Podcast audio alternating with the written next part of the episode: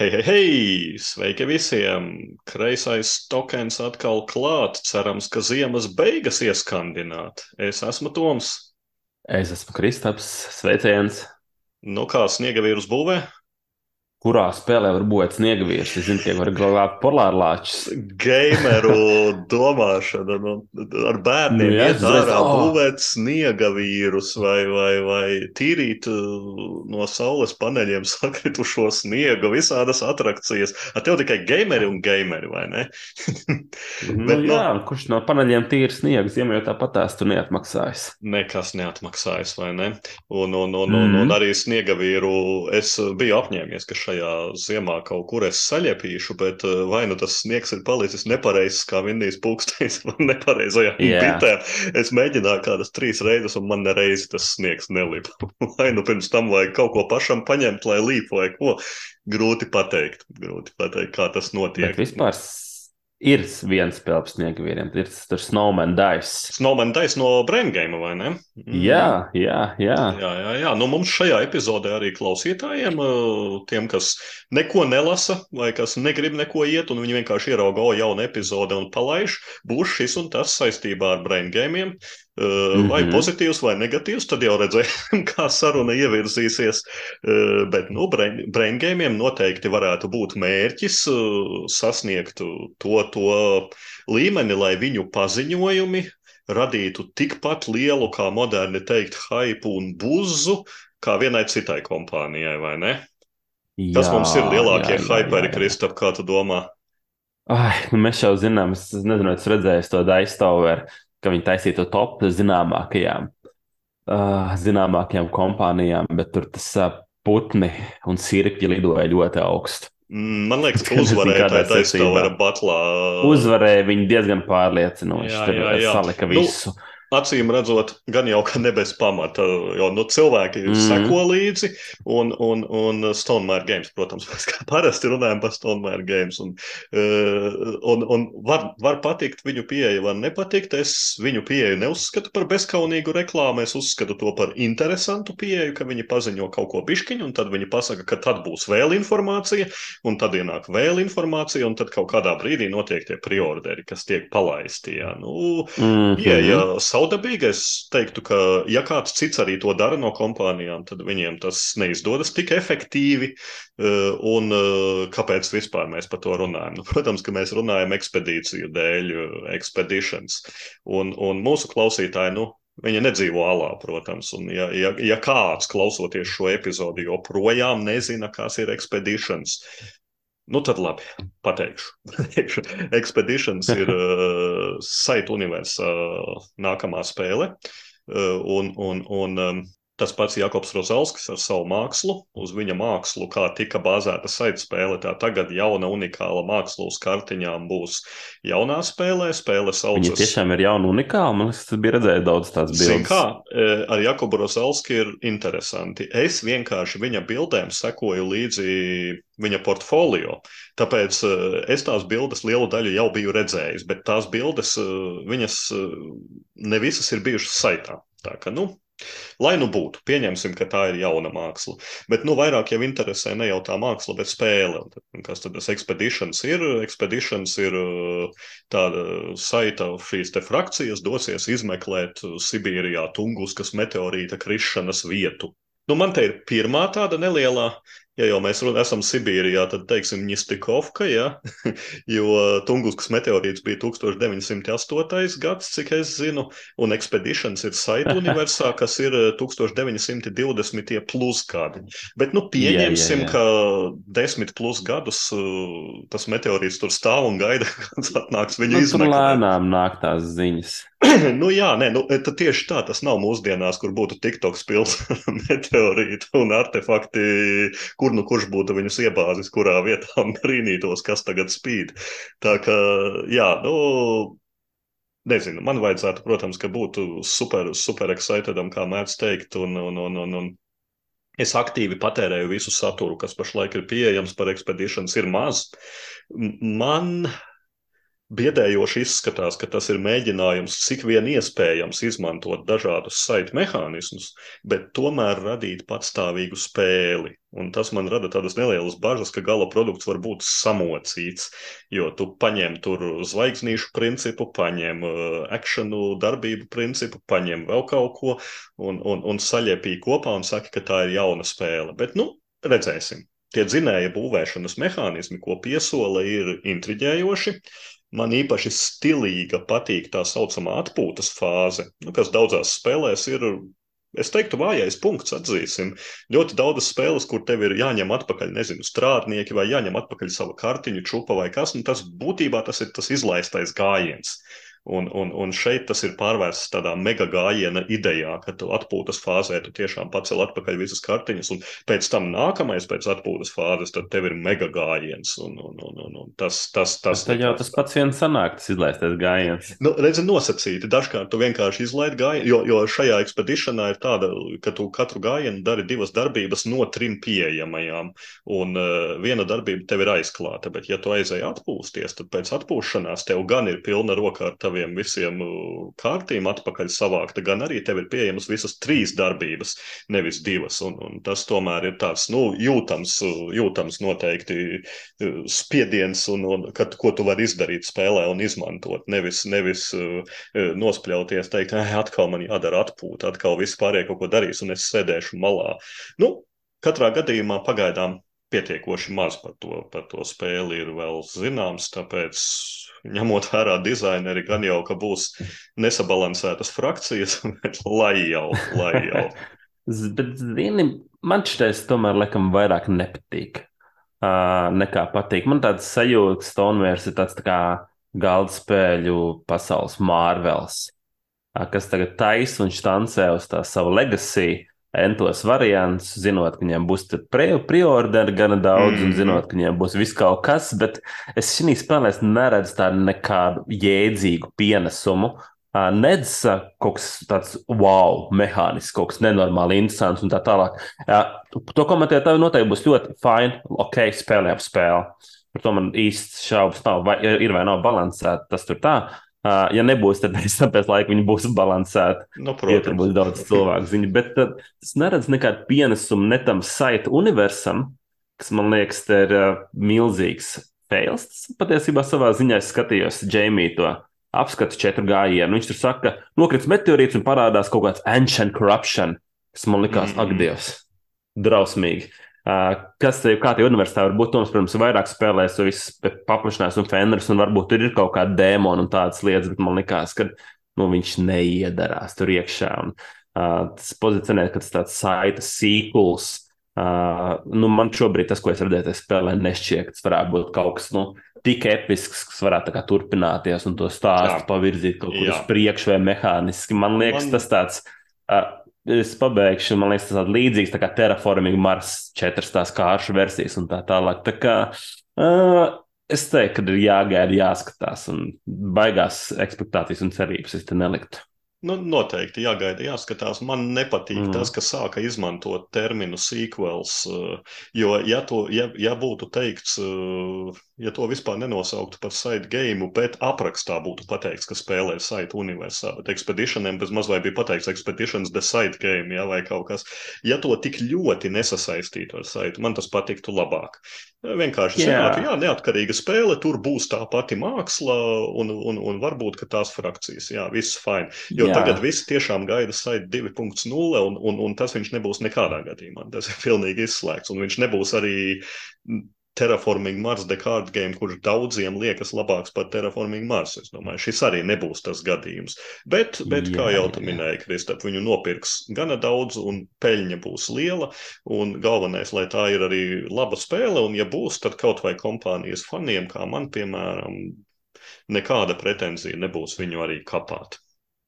Jā, viennozīmīgi. Es gan, protams, priecājos, ja būtu kaut kādā citā universā veids virzīt to stāstu priekšu, bet Nu, ne, par Chatterstone universu tu nebūtu priecīgs. Ja Nē, tas, tas būtu tas ir drausmīgs. nu, re, nu, re, un, un, un, un var visu, visu svaru iznest putni, tā kā uz putniem arī to nevarēja uztaisīt. kā, kā gaļi un, un, un papagaļi un pāvi iet pētīt nokritušo meteorītu, vai tur nav graudu. Vingspans Sibirija. Jā, mm, par, runājot par, par, par dažādiem artefaktiem un ļoti dīvainām un zinātniskās fantastikas saistītām lietām, mums šodien ir arī tematiski piesaistāms svaigs un gards, vai ne, Kristap? U, jā, o, jā, svaigs un gards ir uh, ceļošana laikā uz dažādām zonām, uz priekšu un uz pakaļ, vai ne? Un es sākšu priekšu. Bet izskatās, tā priekšā ir diezgan lielā pakaļā. Jo es runāšu par um, spēli, ko pēc tam mēs ieminējāmies, un šī gadā es gribu parunāt vairāk par Minecraft kompāniju, kas ir uh, lielo smago eiro kompāniju, bet uh, tādi vēl sagramojami smagie un vizuāli iespaidīgi smagie. Ne, tas nav sploters, vai ne? Uh, un es šodien runāšu savā gardā par anachroniju kas pagaidām ir Minecraft zināmākā spēle un veiksmīgākā, Bogiem tikai 45. vietā. Un tas, nu, es teiktu, šobrīd tas kompānijā ir tas lielākais smagsvars, kas arī ir bijis. Bet, nu, uzreiz man jāatzīmē, ka Nakranī man kolekcijā nonāca ar slepeno salaveci, un par ko ir priekš, es viņu diez vai kādreiz dzīvē būtu iegādājies pats. Es neticu, ka to varētu izdarīt kādreiz. Bet, nu, tāpēc tas salaveci domāts. Bet, ok, par pašu spēli. Ir um, pagājuši kaut kāds 800 gadus vai 700 gadus priekš nākotnē, tematiski. Zemē ir ietriecies meteorīts, un cilvēki tur dzīvo savās polisēs. Un kas ir absolūti neloģiski, tās polises ir sadalījušās tā, ka dzīvo uz ūdens, tie, kas dzīvo zem zemes, kaut kā tur meža hipija, dīvainīši un Tas galīgi nav neloģiski. es domāju, tas pilnīgi tas tā mierīgi var notikt kādā brīdī. nu, nē, viņai vajadzētu dzīvot tādās līdzīgās vidēs, man liekas, tomēr. Um, un cet, no, jā, pēdējā bija tie, kas lidinās gaisā. Principā, jūs esat spēlējuši spēli Euphoria. Šeit ir tās pašas frakcijas, tikai vēl kādus gadus uz priekšu vai atpakaļ. Um, vai ne? Mm -hmm. nu, lūk, un tad šīs uh, frakcijas sacenšas, kura uzvarēs, un kā mēs zinām, uzvar tas, kuram ir beigās vairāk uzvaras punkti. Kā vienmēr. Uh, nu, sa, savā būtībā Nekranī ir strādnieku novietošanas spēle. Ar četriem tipiem strādniekiem ir zinātnieki, inženieri, menedžeri, un tad ir ģēniji, kas saprot visu, bet nu, tie pārējie citiem ir labāki. Um, zinātnieki zinātnīs lietās, loģiski inženieri kaut ko būvē, un menedžeri kaut ko rekrutēt un tā tālāk. Un tas ir interesanti lieta, ka viņiem ir ierobežojumi, kad um, Visi tur strādā, un te saka, sorry, menedžeri te nevar nākt, tu, tu, tu labāk nē, ir aktuvēs. Tad viss tur sečkarēs un tā tālāk. Un ļoti bieži šeit ir svarīgi, ka dažādi strādnieki daudz ko var vai nevar izdarīt labāk par citiem. Un spēles galvenais sāls arī ir tajā, ka šie strādnieki tiek optimizēti. Īpaši ņemot vērā, ka tie nogurst, un ir interesanti, ka tie strādnieki, kas nogurst, var modināt maigi, vai arī viņi to nenormāli dzer ūdeni. Vai, nu, sorry, un maigā, maigajā, maigajā variantā viņi dzer to ūdeni, bet vai arī tu iebliezi pletni un viss ir atkal strādā. Kas man likās tāda forša uh, piesaista mehānikai, ka tie strādnieki tiek atgūti tādā formātā. Nu, lūk, un spēles pamatā ir tās divas zonas. Viena vieta, kur tur ir sūtīts strādniekus, ir uh, sev priekšā, uh, tavā pilsētas laukumā, kur sākumā Var tikai viņus pamanīt, bet ar laiku tur sabūvēja visu kaut kādas mājas, kur var sūtīt un darboties, un tīri pīri. Tas mājas tur visu kaut ko dara, ražo ūdeni, ražo resursus, ceļo laikā un tā tālāk. Un otra vieta, ka viņus var sūtīt, viņus var sūtīt pasaulē. Un, lai sūtītu pasaulē, viņa idejas, ka jāieliek mekos. Un pasaulē ir tāds liels vidēji vid, spēles laukumā bords, kur ir strādnieku izvietošana, tā diezgan, diezgan saspringta konkurence. Piemēram, trīsspēlētāji spēlē, tikai divi lauciņi, kur var ielikt. Līdz ar to diezgan droši zini, ka tu nevarēsi visu dari, darīt. Un uh, tematiski tas ir, manuprāt, ļoti forši. Bet te nāk arī man pirmā tāda uh, kontroversālā spēles sastāvdaļa, par ko es gribu parunāt. Un tas ir arī, manuprāt, diezgan, diezgan liels mīnus. Respektīvi, spēle nenāk pilnā komplektācijā. Uh, man ir Essential Editions, un uh, spēlē ir fundamentāls elements, kas ir milzīgi plasmasas meki. Un tie kastē, kas ir atnācis, essential editions viņi nav. Līdz ar to tie meki ir jāpērk papildus. Okay, man Ziemassvētku vizits atsūtīja, bet vairāk vai mazāk nekrinīt 50 eiro spēle, tie meki maksā vēl 50 eiro. Viņi ir divās kastēs, kas ir liels mīnus, jo es šo daudz domāju, meki ir vajadzīgi spēlē. Es teiktu, ka bez viņiem spēle ir krietni, krietni sliktāka. Um, un līdz ar to tas to komplektāciju padara tā kā, tā kā, tā kā mīnusojam. Un, uh, vairāk vai mazāk iedomājamies, kā spēles mekiem. Līdzīgi mēs pieminējām saitu, ir tas pats, kas mēs spēlētu saitu, bet saitā meka ir vienkārši kartona plāksnīgs. Nu, es domāju, ka Toms piekrīs, ka būtu draņķīgāka spēle. Pat ja mehāniski nekas nemainās. Nu, tie meki šeit funkcionāli diezgan, diezgan līdzīgi. Un tas iedod tam spēles stāstam ļoti daudz, un līdz ar to tas ir, manuprāt, diezgan slikts spēles uh, biznesa modelis. Bet, ok, uh, to noņemot nost, man mazliet atgriežas atpakaļ pie mehānikām. Viena lieta, kas man jāatzīmē par Anakronī, ka šī ir diezgan sarežģīta spēle, un Borgiem Gikā viņai vērtējums smagumā ir 4,02, kas man ir daudz. Ja es redzu, spēlēt tādu vērtējumu, tad es diezgan bieži padomāju divreiz, vai šito es gribu sākt spēlēt. Bet Anaknī tas pārsteidzošā lieta, kas nebija patiesībā gatavs, tas, ka noteikumi ir apbrīnojami vienkārši. Es diezgan droši varu iemācīt divas minūtes spēli, izspēlēju pirmo raundu, un visi mierīgi spēlējam, bez jautājumiem dzīvojam tālāk, visiem viss ir skaidrs. Un sajūta ziņā man arī nešķiet, ka šī ir tā spēle, ko man vajadzētu pēc gada vai diviem pārmācīties. Viss ir loģiski, ir maz izņēmumu gadījumu, un viss tāds ļoti strukturēts, salikts. Kas ir milzīgs, milzīgs pluss, jo izvēle, jo tas viss smagums ir izvēlēts, kas ir ah, elīgi grūts. Un salīdzinot, piemēram, paskatījos, kas tur Borgiem tikai līdzīgi topā. Es skatos, tur ir agrikola tūmā. Agrikola ir, manuprāt, ir grūtāk iemācīties. Ir jāsaka tās references tām kārtīm. Tūmā ir Underwater Cities, ka noteikti grūtāk iemācīties. Arī ir dažādi kāršu dēļ, un vēl tūmā ir Blood Rage, kas ir vieglāk iemācāms, bet Blood Rage ir gadījumi, ka tev vienkārši jāgooglē, kas tur notiek, kāds special case. Anakrī nav. Iemācies, darbojies, viss ir super skaidri. Un tie elementi ir, tā mehānikas ir diezgan, diezgan elegants. Jo lēmumi ir dūli. Tev visu laiku ir kādas dilemmas, ah, es to varu vai nevaru izdarīt.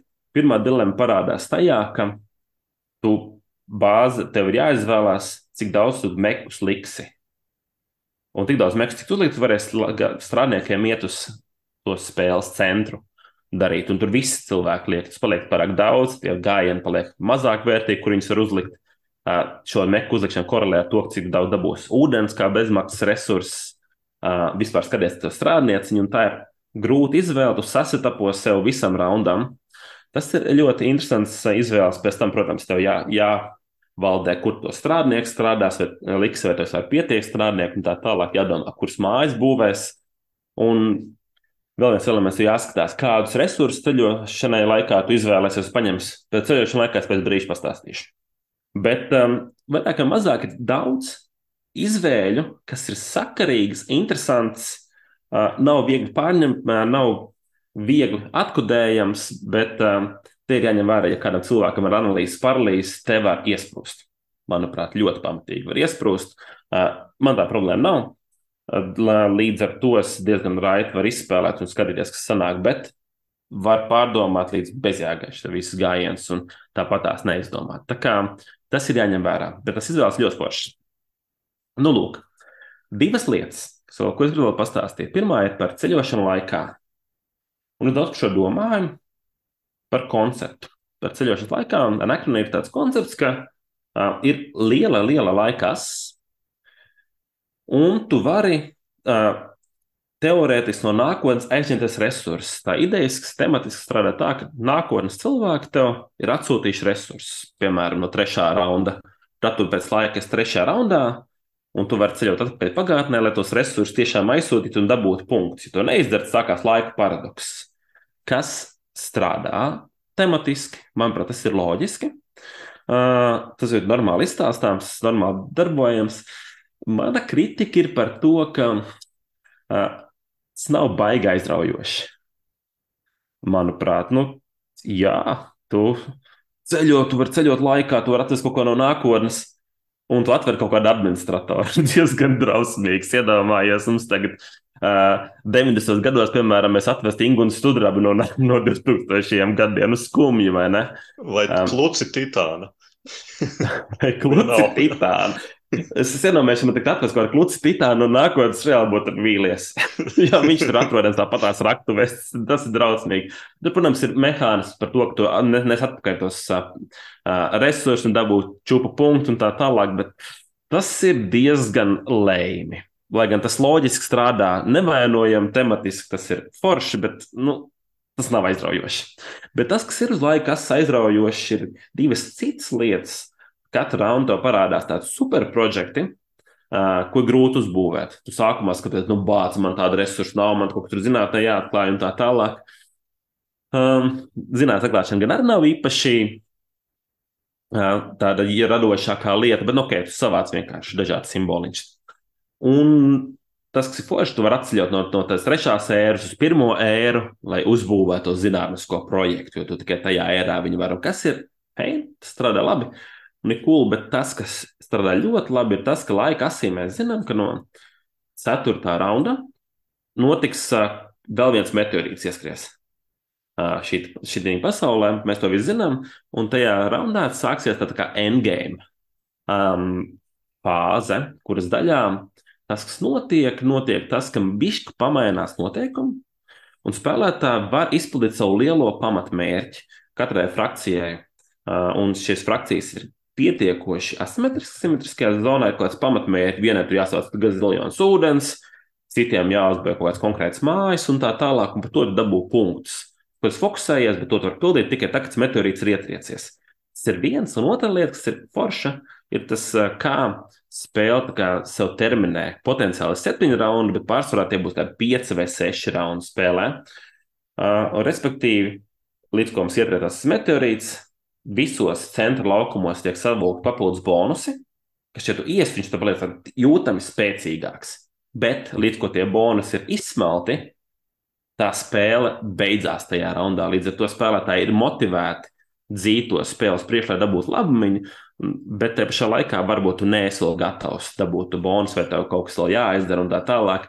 Līdz ar to tas rada tādas foršas izvēles, tādu mazliet papildus spriedzību beigās. Un manuprāt, tā, tā dinamika ir labi, labi augstā spēles beigās. Tā kā, jā, man tāds kopējais verdikts ir, ka Anakrona ir ļoti labi uzdezināta spēle ar feinām, interesantām, jēgpilnām izvēlēm. Ir tematiski viss strādā, ir interesants spēles pasaule. Ir forša, viss ir loģiski. Vienīgais mīnus ir tāds, ka tās dažas no izvēlēm nu, nav tik aizraujoši. Kaut arī viss ūdens mājas ir viss ūdens mājas, ražo divi, seši vai jā, kaut cik ūdeni. Tas uh, īsti uh, neizpild savu potenciālu, kāds varētu būt. Tā kā uh, kopumā es absolūti, absolūti rekomendēju. Man divas pieredzes spēles bija ļoti, ļoti patīkamas. Tā kā jā, to es zinu, tu arī spēlē, varbūt tev ir kādi komentāri. Jā, nu, Anahronija ir kā jau tu minēji, Boardgame Geek top 50 spēle un tiešām daudziem apskatniekiem un arī cilvēkiem tā ir starp top 10 spēlēm. Un es droši vien, ka redzu, kāpēc, kā tas notiek. Man personīgi spēles plūdums, tieši tas, kas tev patika ar to meteorīta ieskriešanu un visu, man tas nešķiet elegants.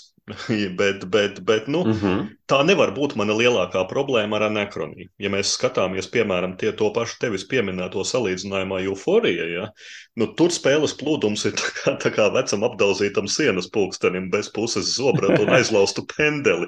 Un tik un tā euforija man ir top 10. Nu, es nezinu, resursu anekronija man šķiet, ka ir pārāk daudz, un tie ir pārāk abstrakti. Nevis daudz skaita ziņā, bet nu, tur tie, tie, tie visi tur titāns un zaļais un zeltainais un tā. Jā, un visi jā, tie jā. būvējamie projekti vai ēkas vai kas, nu viņi tādi ir, ir neiedvesmojoši, man tā šķiet. Bet to jā, arī tu pieminēji, ka tur ēka, kura ražos sešus ūdeņus, ēka, kura ražos divus ūdeņus, bet biežāk un tur tā. Viņi, viņi tādi liekas, nu tādi, nu jā, nu man tā kā viņus vajag, nu, jā, es viņus ņemšu, bet tas nav tā kā, wow, es uzcēlu tagad mega māju.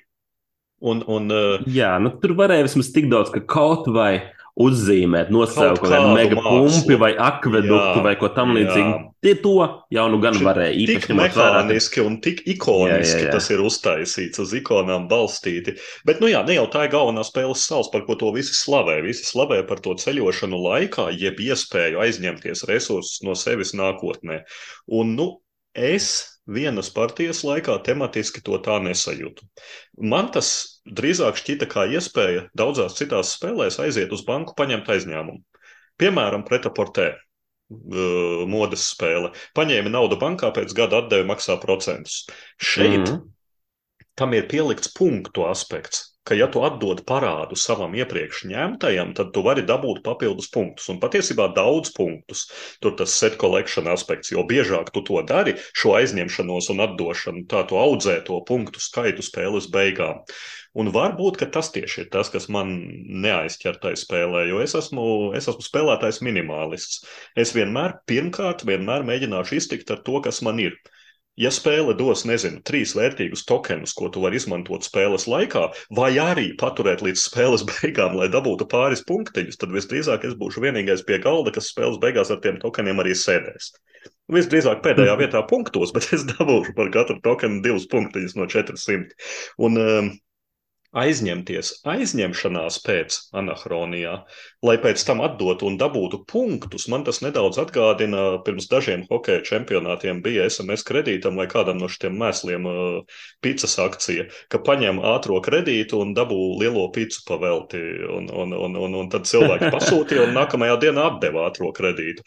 Un, un, un pat nu, e, es teicu, nu nē, nu piedodiet, nafig man smērēties, nu varēs to picu nopirkt, nu tikai ņemt ātro kredītu tikt kaut kādos sarakstos, uh, pat tad, ja tu viņu atdod. Un šeit man tas pats liekas ar Nakronīku. Ja, ja man pietiek uh, ar tiem resursiem, kas man ir, un man nemaz neprasās uh, to aizņemšanos darīt, un darīt to tikai tāpēc, lai pēc diviem raundiem aizietu atpakaļ, atdotu to, ko man nevajadzēja, un dabūtu punktus, tas man šķiet tāds pieķibināts klāt bez maz vai nevis tematiskais mehānisms. Nu, tā kaut kā. E, es, es apmēram plus mīnus uz sešinieku vērtēju anahroniju. Es saprotu, ka tu augstāk vai ne? Es vērtēju augstas vērtējumu šobrīd starp uh, objektīvi uz astoņu, bet šobrīd ielikt deviņu, deviņnieku, jo man tās partijas ļoti, ļoti patīk. Īpaši pirmā bija fantastiski labi. Mm -hmm. Bet, nu, es, objektīvi tas man ir astotnieks diezgan droši. Nu, jā, uh, tieši uz tiem mehiem. Nu, visi saka, ka vajag tos mehus. Nu, vajag. vajag. Nu, Jā, nē, es vienkārši domāju par to, ka tu sūksties par 50 eiro plus 50, bet, ja to spēli daudz lielākā kastē tev dotu ar visiem mehiem pa 100, tad tu teiktu adekvāta cena, vai ne? Jā, nu, lielākā kastē viņi noteikti būtu ar visu shipping kaut kur 80. kā viņi sēdētu, visiem mekiem būtu adekvāti, nu, lūk, korekti. Nu, lūk, nu, Nē, kā, vienkārši tas pats, tas tas pats jau ir. Vienkārši ir sadalīts divās daļās.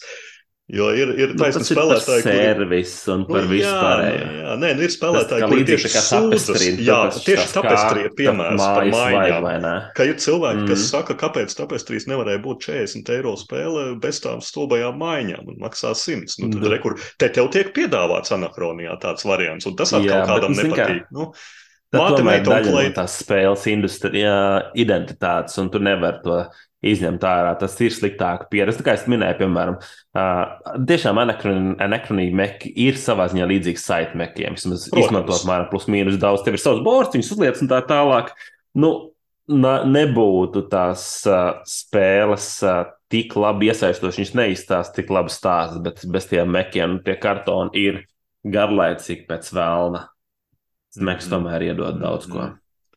Nu jā, nu jā, nu, protams, Vizuāli arī. Kur tu vēl savu strādnieci viņi var ielikt iekšā? Viņš tur sēž un iet un tusē, un tas ir forši. Nesen viņi varēja uztaisīt nevis tik lielu mehu, bet spēlēja iekšā maziņu plastmasas mašīnīti vai kaut ko. Nu, vienalga mašīnīti, kaut kādu jā, vizuālo jā, kantainu, kur tu ieliec strādnieciņu vai kaut ko. Nu, varianti bija, bet, protams, ka tie mehi, mehi ir cool. Jā. Mm -hmm. Nu, uh, tā bija anahronija. Uh, es, jā. es vēlētos taisīt pilnīgāko anarhiju šajā raidījumā Aha. un šajā podraidē. Nevis anahronija, bet anarhija, jo man šodienai uh, mans svaigs un gards ir tik maziņa spēlīte, ka es viņu bišķiņu atbīdīšu tālāk un turpināšu anahronijas ideju, ie, Oh, oh. iebāžot pa iekšu, iekšā pusspēli. Un, un, un šī pusspēle ir uh, Black Angel, kuru man gadījās izspēlēt. Es biju domājis Black Angelam veltīt visu svaigu un gardu, bet eh, es neredzu, kā es varētu izskaidrot Black Angel noteikumus audio formātā, lai radītu kaut mazāko priekšstatu, kā spēlēt spēlējama. Un tad nāca atklāsme ar Kristofu un Anekroniju. Lielākā daļa, ko es teicu par Anekroniju, attiecas arī uz Black Angel. Spēles plūdums Black Angelam kā smagajam eiro ir dīvains. Tāpat kā, manuprāt, Anekronija. Spēles ritms Black Angelam lēkā trakāk kā mašīna pa bedrēnajām ielām Rīgā. Resursi ir neiedvesmojoši, tāpat kā Anekronija. Un, un, un varbūt, ka problēma ir manī, un mans tolerējamais kaut kāds eiro smaguma līmenis apstājas pie 3,5. Nezinu. Stulbs es neesmu. Nav tā, ka es nesaprastu noteikumus vai kaut ko nemācētu spēles laikā, bet visi tie elementi, kas šajās spēlēs, kas boardgame smaguma skalā ir virs 3,5, viss, ko tur sabāž, spēlējot, man rada vēlmi tikai pēc laba, kvalitatīva un vienkāršota eiro. un, un, un Black, Anakronīt Kristaps minēja 4,02 sarežģītība, Black Angelam ir 3,85, nu, plus mīnus līdzīgi es teiktu. Es pat teiktu, ka Black Angels ir samuģītāks par Anakroniju noteikti. Naknī, man liekas, ir ļoti eleganti noteikumi. Nu, noteikumi jā, bet nu, visas tās, tie, tā- tās lietas, kas notiek, eh, man rodas iespējas, ka Black Angel un savā ziņā arī Anakronija, bet mazāk gadījumā dizaineri dizaina procesā aizrāvušies ir ar lieliskām idejām, un viņi par katru cenu gribēja, lai visas tās idejas paliek spēlē. Black Angelā, pieņem, es uzskaitīšu, plus mīnus, es noteikti kaut ko izlaidīšu. Kustīga karte, pa kuru pārvietojas kuģi. Uz tās kartes ir daudzas vietas ar speciālām spējām, papildus strādnieku izvietošanas vietas, kauliņi kā strādnieki, kurus met, papildus roboti, kuri var kalpot kā piloti, kā metamo kauliņu atguvēji. E, Tas viss ir uz diviem galdiem e, pa vidu, un vēl ir pašam saviem spēlētāja galdi ar būvējamu mehānismu, kur tu liedz zinātnes atklājumus. Tam visam papildus ir čupa ar kārtīm, dažādu tipu kārtīm, kas katra aktivizē kaut ko citu. Dažām kārtīm ir spējas, dažām nav. Tad vēl papildus tam ir dažādi resursi, spēles beigu misijas. Man būtu vieglāk nosaukt tādus elementus, kas Black Angelā nav, nevis tos, kas tur ir. Un, un, un, um, Nu, viena lieta, kāpēc es tomēr gribēju svaigā un gardā uztaisīt anarhiju un iebāzt Black Angelu, ir tas, ka tieši kamēr mēs gatavojām epizodi, Pearl Games tika paziņots, ka studija klapēta tiek ciet. Black Angel Un Tas ir autori. Black Angels dēļ. Nē, tas nav Black Angels, tas ir eh, pasaules ļaunuma dēļ. eh, Azmodē, Azmodē Pearl Game nopirka 14. vai 15. gadā. Padarīja par studiju, kā Azmodē dara. Man liekas, ka Fantasy Flights un viss pārējais arī ir studijas. Days of Wonders ir studija. Nu, lūk, un tagad Azmodē vienkārši izdomāja, ka Pearl Games kā studija viņiem vairs nav vajadzīgi, viņi klapē visu ciet. Nu, un Pearl Game'iem uh, spēles no zināmākajām mums arī podraidē pieminētais Deus, Bloody In, uh, tādi savā ziņā nišas hīti kā Trojas, Ginkopolis, Lagrānija, un es teiktu savā ziņā arī Black Angel ir tāds, nu, nišas hīts. Pearl Games taisīja spēles, kuras tie, kam viņas patika, Nu, viņas ļoti patika. To pašu Black Angelu, viņu kā opusu trojas fani gaidīja gadus, nezinu, desmit, kopš uzzināja, ka būs kaut kas, kaut kas līdzīgs. Un, un, un, tā kā, nu, redzēs, redzēs kā.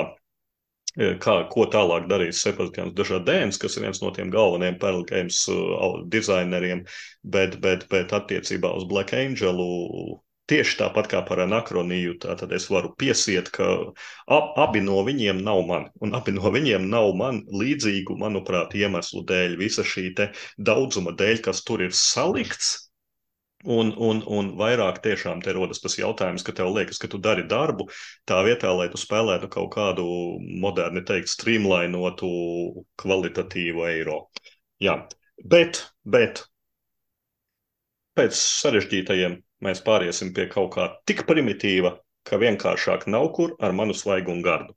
Un Kas tad mums ir pats vienkāršākais pasaulē, kas vispār var būt? Tās ir Mainz. amēbas. Nē, amēbas. bet, bet, bet uh, amēbas bija pirmās, pēc tam nāca kaut kāda vārda, ja, un, un viss pārējais, un tas nonāca līdz dinozauriem. Un tad dinozauri nomira, nezinu, vai laika paradoksa, vai laika apstākļu dēļ, bet tagad dinozauri ir atdzīvināti. Un mans svaigs un gards ir draftozaurus. Pavisam Mm. maza un pavisam viegla spēle, kuras aktualitāte tika atdzīvināta tikko. Būtībā tieši tikko, kad Brain Games Latvijas izdevējs šo spēli latviskoja un izdeva pieejamu arī mūsu publikai. Un uh, spēles tēmu, kā jau es minēju, ir atdzīvināti dinozauri, un kas tad ir tas, ko cilvēki darīs, ja atdzīvinās dinozaurus? Pirmais un galvenais, nu kāds varbūt gribēs steiku pagaršot no brontozaura astes, bet, bet lielākajai daļai vēlme varētu būt sapačkāt viņus būros un, un, un nopelnīt labi uz tiem, kas iet uz dinozauriem skatīties.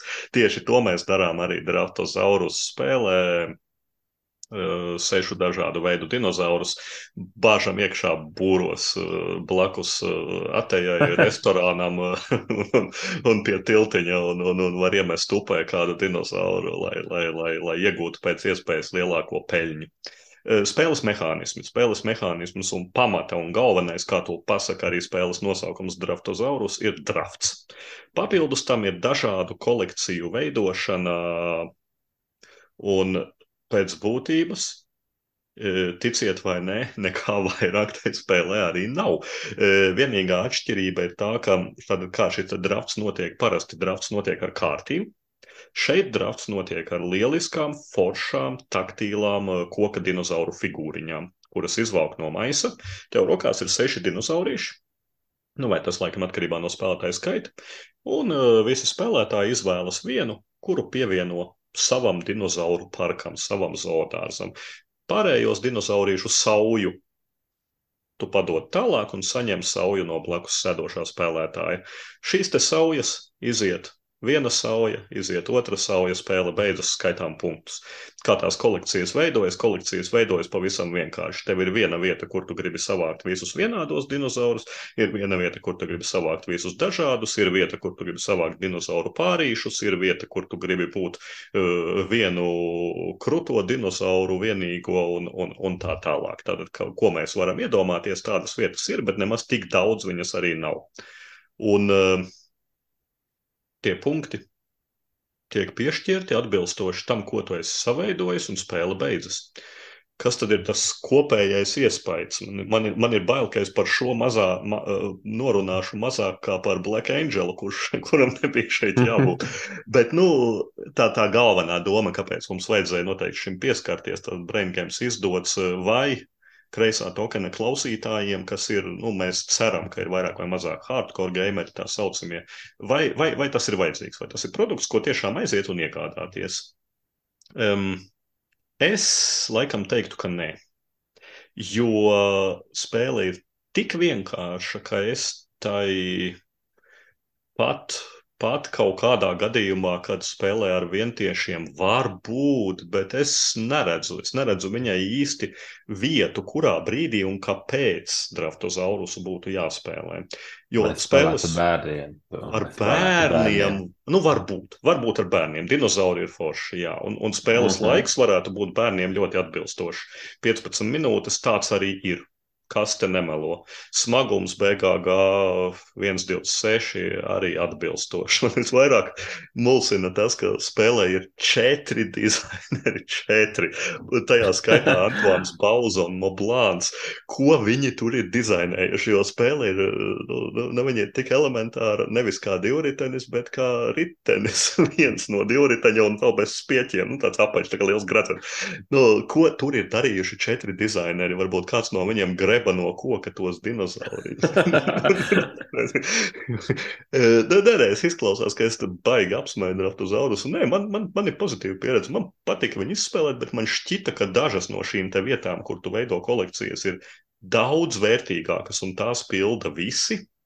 Dažām no vietām nav jēga pat ķerties klāt. Tur, kur ir jāsavāc vienādie dinozauri, seši gabali, Bet, ja uz visu spēli tikai seši tādi dinozauri ir, nu, iespējamība, ka tu viņus visus nodraftēsi, tas ir absolūts kosmos.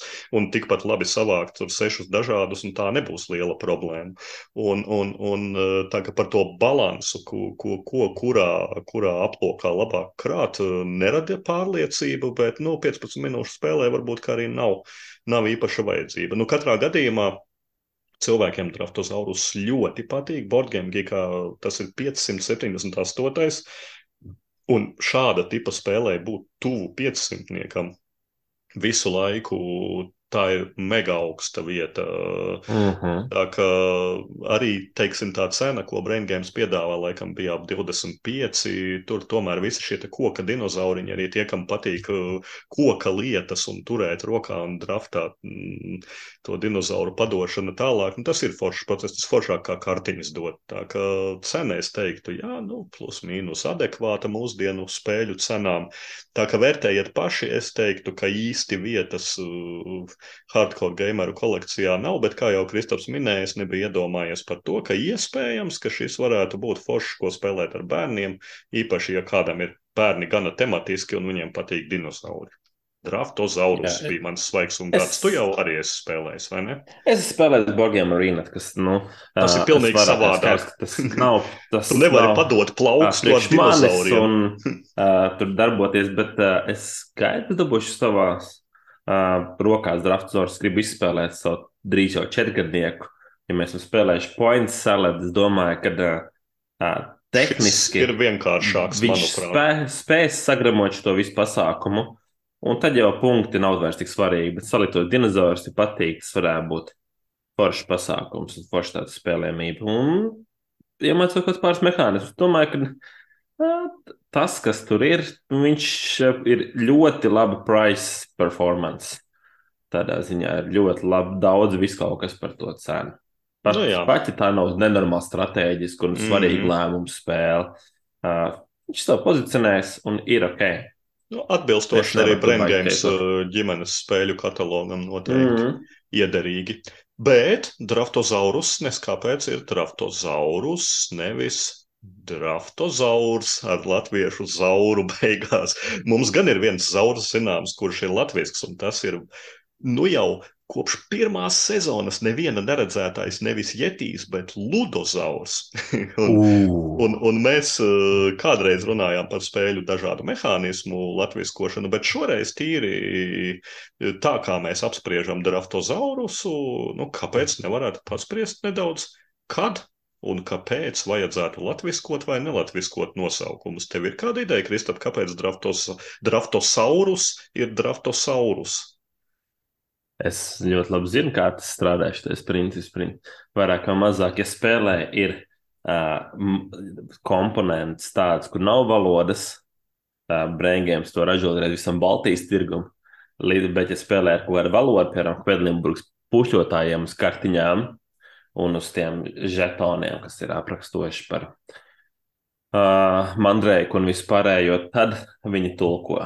Un katrai valstī ražo atpakaļ. Tas, man liekas, ir tikai un vienīgi tāds biznesa lēmums, cik tu vari izražot pakas reizēs. Tāpēc spārnotie vai uh, viss pārējais. Bet nu, jautājums ir drīzāk par to, vai mums nevajadzēja wingspēnu visur Latvijā.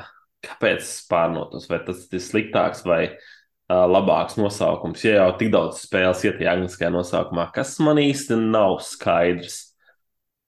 Mm, jā, Jā. Wingspans, protams, ir populārākais, bet skatoties, nu, es nezinu, piemēram, The Crew mierīgi varēja būt komanda mm, bez, bez problēmām, vai, vai, vai vēl tur Mhm. scrollējot pa Braingames katalogu. Noteikti, ka ir tādi, ko, kas balstās uz to, ko tu minēji, jā, par Splendoru, Mhm. piemēram, visdrīzāk, ka valodas Jā. nav izdevām, ieštancējām vienā valodā, dodam tālāk.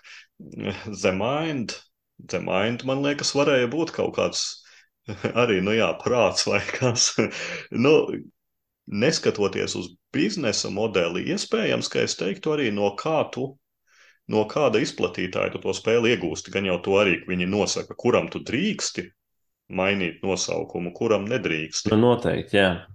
Jo tu jau pārizdod citas kompānijas spēles, un, un, un, un, un tur dīvaini, ka Stonmaiers ne, bet nu, var jau būt, ka viņi ļauj Vingspanam visiem izdomāt savu noteikumu, tāpēc Vingspans pār. Nu, var jau var paskatīties, tā Expeditions arī jau bildes rādās, kur ar Jā. piecās dažādās valodās, līdz ar to nu, tur jau tā politika ir. Mm. Piemēram, tagad Bremgēns jaunizdotā spēlē, viena no mazajām kāršu spēlēm ir Karakum, nevis Karakums, Karakums kas būtu latviski. Tā kā arī tā, tā, un tā ir vēl pie tam viņa oriģinālā spēle. Tad tur es saprotu, tu domā, balstās tas, ka viņu laidīs vienā paciņā visai Baltijai. Nu jā, viņš izdrukā, izdrukā viens, tad taisnība sakot, viņi izdrukā tāpat tās Latvijā. Nu, var jau uh, padrukāt bišķi citādāk, bet tad atkal noteikumi jāpārstrādā trīs. Ne, noteikums viņi tāpatās raksta tomēr trīs valodās, vai ne? No jā, no jā. Noteikums raksta tajās valodās un skatās, bet Tad tur kaut kāda erora var parādīties, kļūdas un tā tālāk. Mm, ir ok. Bet uh, tas bišķi man atcīt to, ka tu aizbrauc uz kaut kādu poliju, un tu iet tajā galda spēļu veikalā, un tur rakstās visi tie nosaukumi, tā tālāk, un tur baigi var iebersties, jo izrādās tur visi poļu versija iekšā, mm. kas var būt galīgi traki, vai ne? Um, un te ir man līdzīgi. Vienīgais, kas, ko es gribētu, lai būtu pārtulkots. Jā, pārsvarā spēļi man ir nalga, bet es gribētu, lai Clever sērija ir pārtulkota latviešu. Tas man liekas, būtu reāli stilīgi. Uh, kā, tas ir varan viltīgi. Cleveru nosaukumus, kādi ir. Uh, Jo tagad jau latviešu ir clever, nevis zetsprītīgi clever. Tu gribētu arī otro tāpat, uh, vai, vai tu gribētu, lai nevis clever, bet gudrs? Tiešām ir clever. Man liekas, tas ir pretty clever. Nē, latviešu brandgame izdevums ir clever. Vienkārši ah, ja? Viņi nelika Zets pretty clever. Zets pretty clever ir angļu versijā, un brandgame ir clever, bet varbūt, ka tu gribi gudrs oh, vai, vai, vai atjautīgs. Mm, viņi saīsināja, viņi ietaupīja labi tinti uz vāka. Šito jau smieklīgi, kad viņiem mājaslapā šobrīd ir uh, Šmits un Stronghold versija, nevis uh, savējā. jā, um, jā, jā. Nu, es gribētu, lai Klevers ir iztulkots. Viņš ir tas nosaukums, tik uh, amizanti ir kaut kā, piemēram, jaunākais ir Clever Forever. Uh, Jā, bet, nu, bet to ej, tu nolatvisko. Mm. Šis ir kā es tev kādreiz nu, Ludasaurā liku Tur būtu feina nosaukumi. Patiesībā, ja spārnoties labāk, es, es nezinu, kāpēc neizvēlēs nosaukumu spārnos latviski. Nu, jā, jā, jā. Kas uh, būtu labāks? Nu, okay, nu, okay, Zin, kā, runājis, ņemot vērā latviešus, ņemot vērā latviešus, es esmu ļoti priecīgs, ka viņi neizvēlējās spārnotajiem. Zinot, ka mums visi portāli pirms desmit gadiem tapa pēc draugiem, jā, jā, jā, principā, ja tur gardēžiem un, un, un, un, un bla, bla, bla, un tā tālāk spēlētājiem, spārnotajiem. Klau, bet tagad Iešām, no tavas pieredzes loģika mm -hmm. uzreiz atnāca nosaukums, ka būs angliski.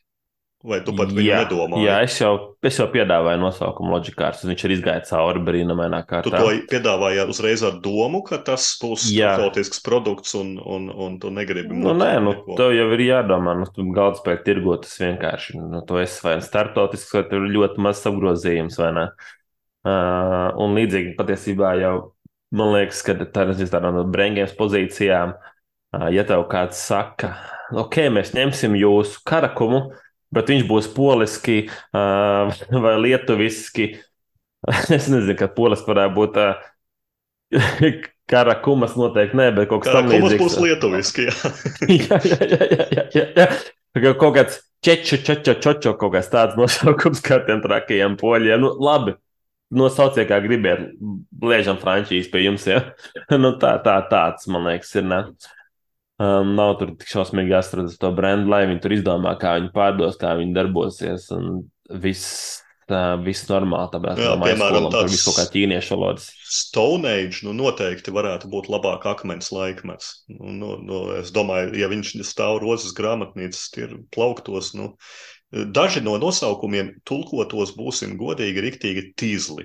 Man, man, man lietas, ko mēdz latviskot, eh, nu, ne tikai man, nu, daudziem jau sākot ar datorterminiem, par kuriem visi ņirgājās mm. kopš 2000, bet, piemēram, Stone Age iztulkot uz akmens laikmetu vai mistēriju uz mistēriju, nu, tas, tas man liekas, vēl būtu pilnīgi fine. Tā, jā, ir gadījumi, jā, kur jā, tas jā. būtu izdevies, ir gadījumi, kur nē. Bet, nu, acīm redzot, tiešām to nosaka nevis, nevis uh, labskanība, bet, bet, bet, arī, bet arī biznesa kaut kādi modeļi, kur, kur to spēli grasās izplatīt, vai, vai, vai, vai, vai ko nosaka īstais spēles oriģinālais izdevējs, ja tā nav Latvijā izdota spēle. Runājot par Latvijā izdotām spēlēm, tu noteikti, Kristap, piefiksēji pirmo spēli latgaliešu valodā. Čiperksneits laikam. Oi, šito, šitais ir absolūti traģis, traģikomis. Viņi, viņi nosaukumu lokalizēja. Viņi, viņi, nevis, okay, viņi, lokalizēja, viņi ne tikai lokalizēja, ok, Kristaps noteikti daudz nedrīkst, viņam ar latgaļiem ir tuvas saites vēsturiski un, jā, jā, jā. un, un, un, un, un dažādos uh, projektos. Es drīkstu, es esmu bezkaunīgs un riebīgs. Drīkstu kritizēt, jā, ko es... es gribu, bet piedodiet man, nu, ja gribat pameklējiet paši, ir kaut kāda kompānija lai, lai, lai viņiem viss veicas un, un forši kultūru attīstīt un tā tālāk, kuri attīsta latgaļu kultūru, un te viņi izdomāja, ka ir vajadzīga latgaļu galda spēle, čiperksneits, Un, un, un tā galda spēle ir, protams, ka tā ir. Jūs gaidāt no manis, ka es teikšu, monopols. Nē, tas ir cirks. Un, un, un tas ir cirks, kurš ir uztaisīts eh, pa Latvijas pilsētām un vietām, un eh, met kauliņu ej uz priekšu. Un eh, vienā vietā tev liek aizskatīties uz, uz, uz Aglonas baziliku, tāpēc tu izlaid gājienu. Nu, vārdu sakot, tieši tāds viesis tas ir cirks. Un, un vēl lielāks cirks ir tas, ka kultūra kapitāla fonds iešķiepi tādam projektam uh, 3,5 tūkstošus, un, un man tas viss, godīgi sakot, atgādina. Tas parāda, ka savā ziņā galda spēlēs uh, Un to lokalizācijās šeit varētu teikt, mēs esam 90. gadu mūzikas līmenī, kad Roberts Gobsiņš ņēma jebkuru ārzemju dziesmu, ko viņš gribēja. Viņš pārdziedāja latviešu, izdeva kasetes, visi pirka un bija sajūsmā. Nu, Gobsiņš bija foršākais mūziķis 90. gados, tur, kuram tur simtā debija vai tranzīts labāk, kurš Gobsiņu klausījās, vai, nu, labi, tur no smagajiem līvi linga un tā. Bet, bet šeit ir tas pats variants, ka galda spēlēs mēs esam tajā pašā attīstības punktā, kur mēs bijām 90. 90. jo tikpat labi kāds paņem monopolu vai vēl kaut ko, kas ir, nu, tie ir licencēti produkti. Tu nevari vienkārši. Tas ir tā kā pateikt, mēs tagad uztaisīsim Latvijas Hariju Poteru, aizvietot Hariju Poteru ar uh, Pīteru un, un, un, un Anņeņu, Hermioni un aiziet un sakāt, mums ir latgaļu, mums ir latgaļu par, par magu skolu grāmata izdota un, un par to vēl tad viņu mēģināt pārdot un tā tālāk. Nu, cilvēkiem nav tā īsti izpratne. Nu, tu, tu reāli zodz. tu zodz nevis. nevis. Un, un, un, un ir vēl kas to finansē valstiskā līmenī. Jā, nu, tas tas, tas tāds mans rants šajā topikā. Un vēl jau vairāk, ja uztaisa cirku, nu, tas ir, tas ir bais. Tā kā ar lokalizācijām nevajag aizrauties, vajag nu, domāt. Es saprotu, kas notika. Viņi uztaisīja projektu. Taisīsim spēli. Ok, uztaisīt tos 3,5 tūkstošus. Nu, ko viņam darīt? Viņa aiziet pie brēniem, saprot, ka ir krietni, krietni par īsu. Uh, skatās, nu, nekas mēs paši zinām, kādu spēli mēs zinām, ko izpazīst cirks. Taču nu, aiziet, no, jā, taisīsim augšā. Šaujas priekš. nu, es teiktu, ka tas varētu būt smags uzmetiens tam, kurš varētu iedomāties viņu nopirkt. Man liekas, ka viņi viņu tirgo pa 50 eiro vai pa 45 čiperksnēti. Tā kā ja kādam gribas atbalstīt. cirku. Jā, jau tāds veikals kanclers, kur par divīti noteikti. Jā, bet, bet, bet es nezinu, vai Kristapa uzmetiens būs tikpat drūms kā Šiferks. Nē, bet kaut kas Kristapam esot padomā. Ko tu gribi uzmest? Oi, man ir liels uzmetiens. Ziniet, kā jo, jo, vairāk, jo lielākas expectācijas par kādu spēli, jo lielāks uzmetiens sanāk. Un viens no maniem pēdējā laika, pēdējo gadu dizaineriem, kas sekoja līdzi, un man parasti rītīgi interesē viņa jaunās spēles, ir um, ir tāds kompānija, Delicious Games, vai ne? Mm -hmm. Un viņas, principā, ir viena dizaina ģimenes kompānija. Tā kā tagad trendīgi taisīt, vai ne? Un šī dizainers ir Vladimirs Sushi, kur ir arī mm, vismaz viena, kas varētu teikt, kā kreisā tokena favorīta spēle, kas ir uh, Last Will, kas mums ar to abiem diviem mm -hmm. ļoti patīk. Uh, man personiski ļoti patīk arī Underwater Cities, uh, kas ir mm -hmm. mana top 10 spēle, kas ir lieliski, un arī pulsārs ļoti foršs. Un, uh, es biju kādu gan kārdbornu, un es ritīgi izčīkstēju vienam no klausītājiem, ka, nu, es zinu, tev ir Prāga un vajag uzspēlēt. Prāga, kaput regnī un tā tālāk. Suši tā kā lielais Magnus Opus, granda, granda, granda foršā spēle. Un ok, viss notiek, un es tur gaidu visu dienu, mēs spēlējām Prāgu. Un tad sākās. Tad sākās. Un lielākais uzmetiens ir ne jau par to, ka kāds varētu izkrīties no malas. Jo Tur arī Toms bija tajā pasākumā, viņš pieeja klāt un redz uz Prāgu, un tur viss raips pēc vēlna. Raips pēc vēlna. Jū, bet jūs pēc malas izskatījāties pēc parastiem eirogameriem. Tu nebija tā, ka tu izskaties briesmīgi tīzlis, Kristap, neuztraucies jā. par to. um, un patiesībā, kad tu paskaties, ir fini. Tur var ieskatīties, var redzēt, var saprast, un tā pārāk, tā kā daudzās spēlēs, tur no malas tas vibe, bet, kad skaties tos elementus, ir ok. Uh, veids ir dizains skaists un stilīgs, uh, manuprāt. Nē, bet viņš ir gan atšķirīgs, lai viņš varētu dzīvot. Noteikums izstāstīja Zolīts, spēlētājs, kas uzvarēja, uzvarēja, jo viņš bija labākais. Tur viss ir kārtībā, bet uh, pati spēle ir baigais fēns, manuprāt. Pirmkārt, spēlē viena no lietām, kas ir man viena no absolūti mīļākajām lietām spēlē, kas ir rotējoši, vis kaut kādi elementi. Tā kā lejšiem ir nedod leiti mēs, dod grebt koku, Man, man ir gals spēlēs, iedodiet kaut ko, kas griežās, gribēšu to izspēlēt, vai ne? Vienalga, piemēram, Zolkanam ir tie rimbuļi, kas griežās pa vidu, un tad viņš tur strādā un menedžē laiku. Un pēdējā laikā es mēģinu iepazīt vairāk corrosion, kur arī tas pats man ritīgi interesē šīs lietas. Bet tie apļi ir drausmīgi bezjēdzīgi. Ir divi apļi, trīs kopā katram spēlētājam. Divi, viens skaita zelta, otrs skaita akmeni, Ja domājies, tur vesels rimbus, vienkārši skaidrs, cik tev ir zelta un, zelta un akmens lēmi. Pilnīgi es vienkārši varēju dabūt tokenus vai pabīdīt lucītas priekšā. Pilnīgi metams miskastē. Un pēc tam ir lielais rats, darbība izvēles rats, kas ir baigais, baigais failers tajā ziņā, ka tu izvēlies gandrīz vienmēr tā darbības tik līdzīgas, ka izvēlēsies tos, kur tev dod kaut kādu bonusiņu punktiņu klāt un tā tālāk. Un mēs visu spēli to ratu izvēlamies no to, ka, oh, tagad svarīgi šo elementu paņemt. Visu laiku paņemam tos, kur kaut kādi punktiņus iedod. Tas bija, nu, manuprāt, tas rats bija bezjēdzīgs pasākums pilnībā. Bet nu, tā galvenā kritika bija par to, ka tie visi mehānismi bija baisi, baisi, baisi neiedvesmojuši. Mēs runājam par uh, to, ka anekronijā varbūt ir kaut kas neiedvesmojošs, vai Black Angelā, tad Prāgā tas ir reizes desmit, reizes divdesmit. Tu, principā, uh, to visu bija tik izdarīt tik vienkārši un tik garlaicīgi. Piemēram, tagad, oh, es celšu šo lielo kārļu tiltu pāri. Es neatceros, kādu bija Prāgā. Cauri hmm, Visla.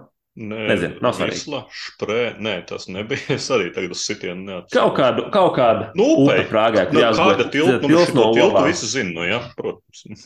Kāda tilts? Nu, kurš, kurš zina upi, visi zina tiltu, vai ne? Uh, un, to tiltu tu var četros gājienos uzbūvēt. Ja domājies, kas pa tiltu, kur aiziet vienkārši uzbūvēt tālāk. Pa ceļam, ja tev ir, ir, ir ko izmest olas, dabū kāds papildus bonusiņš. Frīking garlaicīgi, tev nav sajūta, ka tas kaut ko sasniedz. Tad tu būvē kādu pilsētu, kur varētu dzīvot, kur ir arī pilnīgi tas pats. Tu uzliek kaut kādu lauciņu, un tu dabūji tos labumus. Nu, nu, labi, Toms dabūja 4 punktus, es dabūju 3 punktus un pusi no loga. Jē, yeah, perfekti. Prieks, kur tu rodies. Un, bet, un, ja tur sajiet kaut kāds stūrīts, dabūs zilo cirvīti, kas tev ļauj pabiedīties vienā no tiem uh, kuriem trekiem uz priekšu, kas, nu, viss vienkārši notiek, un tu kaut ko dari, tev kaut kas atnāk, bet tev baiga mazā jēga. Bet visgarlaicīgākais, visgarlaicīgākais bija. Uh, tur tādi divi traki. Viens ir katedrāls, otrs ir raudu mūris vai kaut kas līdzīgs. Un, principā, tas, ko viņi dara, tu bīdies uz augšu, un raudu mūrī laikam pa kreisi. Tu tālāk sabiedrīsies par augšu, pa kreisi, nu, principā par diagonāli vai pa kreisi par augšu, jo tu vairāk varēsi punktus dabūt. Uh, un pa ceļam tur kaut kādu bonusu dabū un tā tālāk, tas tev iedod kaut kam citam. Un tas ir freaking garlaicīgi. Tādā trakā tas nav nekas nejūtas, kā kāds raudu mūrs vai kaut kas tamlīdzīgs, kas pabīdos. Un, ja nomēs, un nevis viens garlaicīgs traks, bet divi identiski, kas pretējos virzienos būvēs. Ak, Dievs, drausmīgi! Um, tu nepārtraukti dabū kaut kāds tur bonus, un tad ir kaut kāds spēlētāji pretējā spēlēties pilsētas daļa, kur tu vari izvēlēties kaut kādas darbības, un tur arī tu vari uzlikt darbības, tā kā upgrade. Un, un upgrade strādā tā, tā kā tev ir darbība, tad dabū darbību un vienu zelta bonusu vai kaut tādu elementu. Un kaut kādā kvartālā pabeigts, dabū beigās 5 punktus no kopā 200 vajadzīgiem spēlētājiem, kurš uzvarēja dabūt 200 punktus. Un nepārtraukti ir milzīgs milšu bedre, uh, kur tu visu laiku tie mehānismi savā starpā sastrādājis, bet tev nav sajūtas kaut ko sasniedzis, jeb, jebkurā no tiem. Un nu, man bija baisais, baisais spēle. Es biju priecīgs tā spēle. Uh, beigās fajn izspēlē, bet es īsti negribu spēlēt vairāk, absolūti nemaz.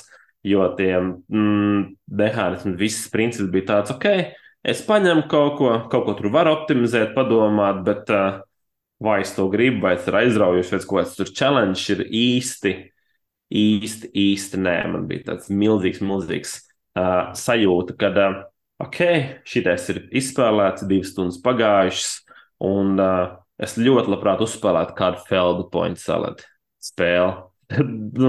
Jūs skatāt, daudz tāds tematiskāks un ciešāks izvēles un vispārējais.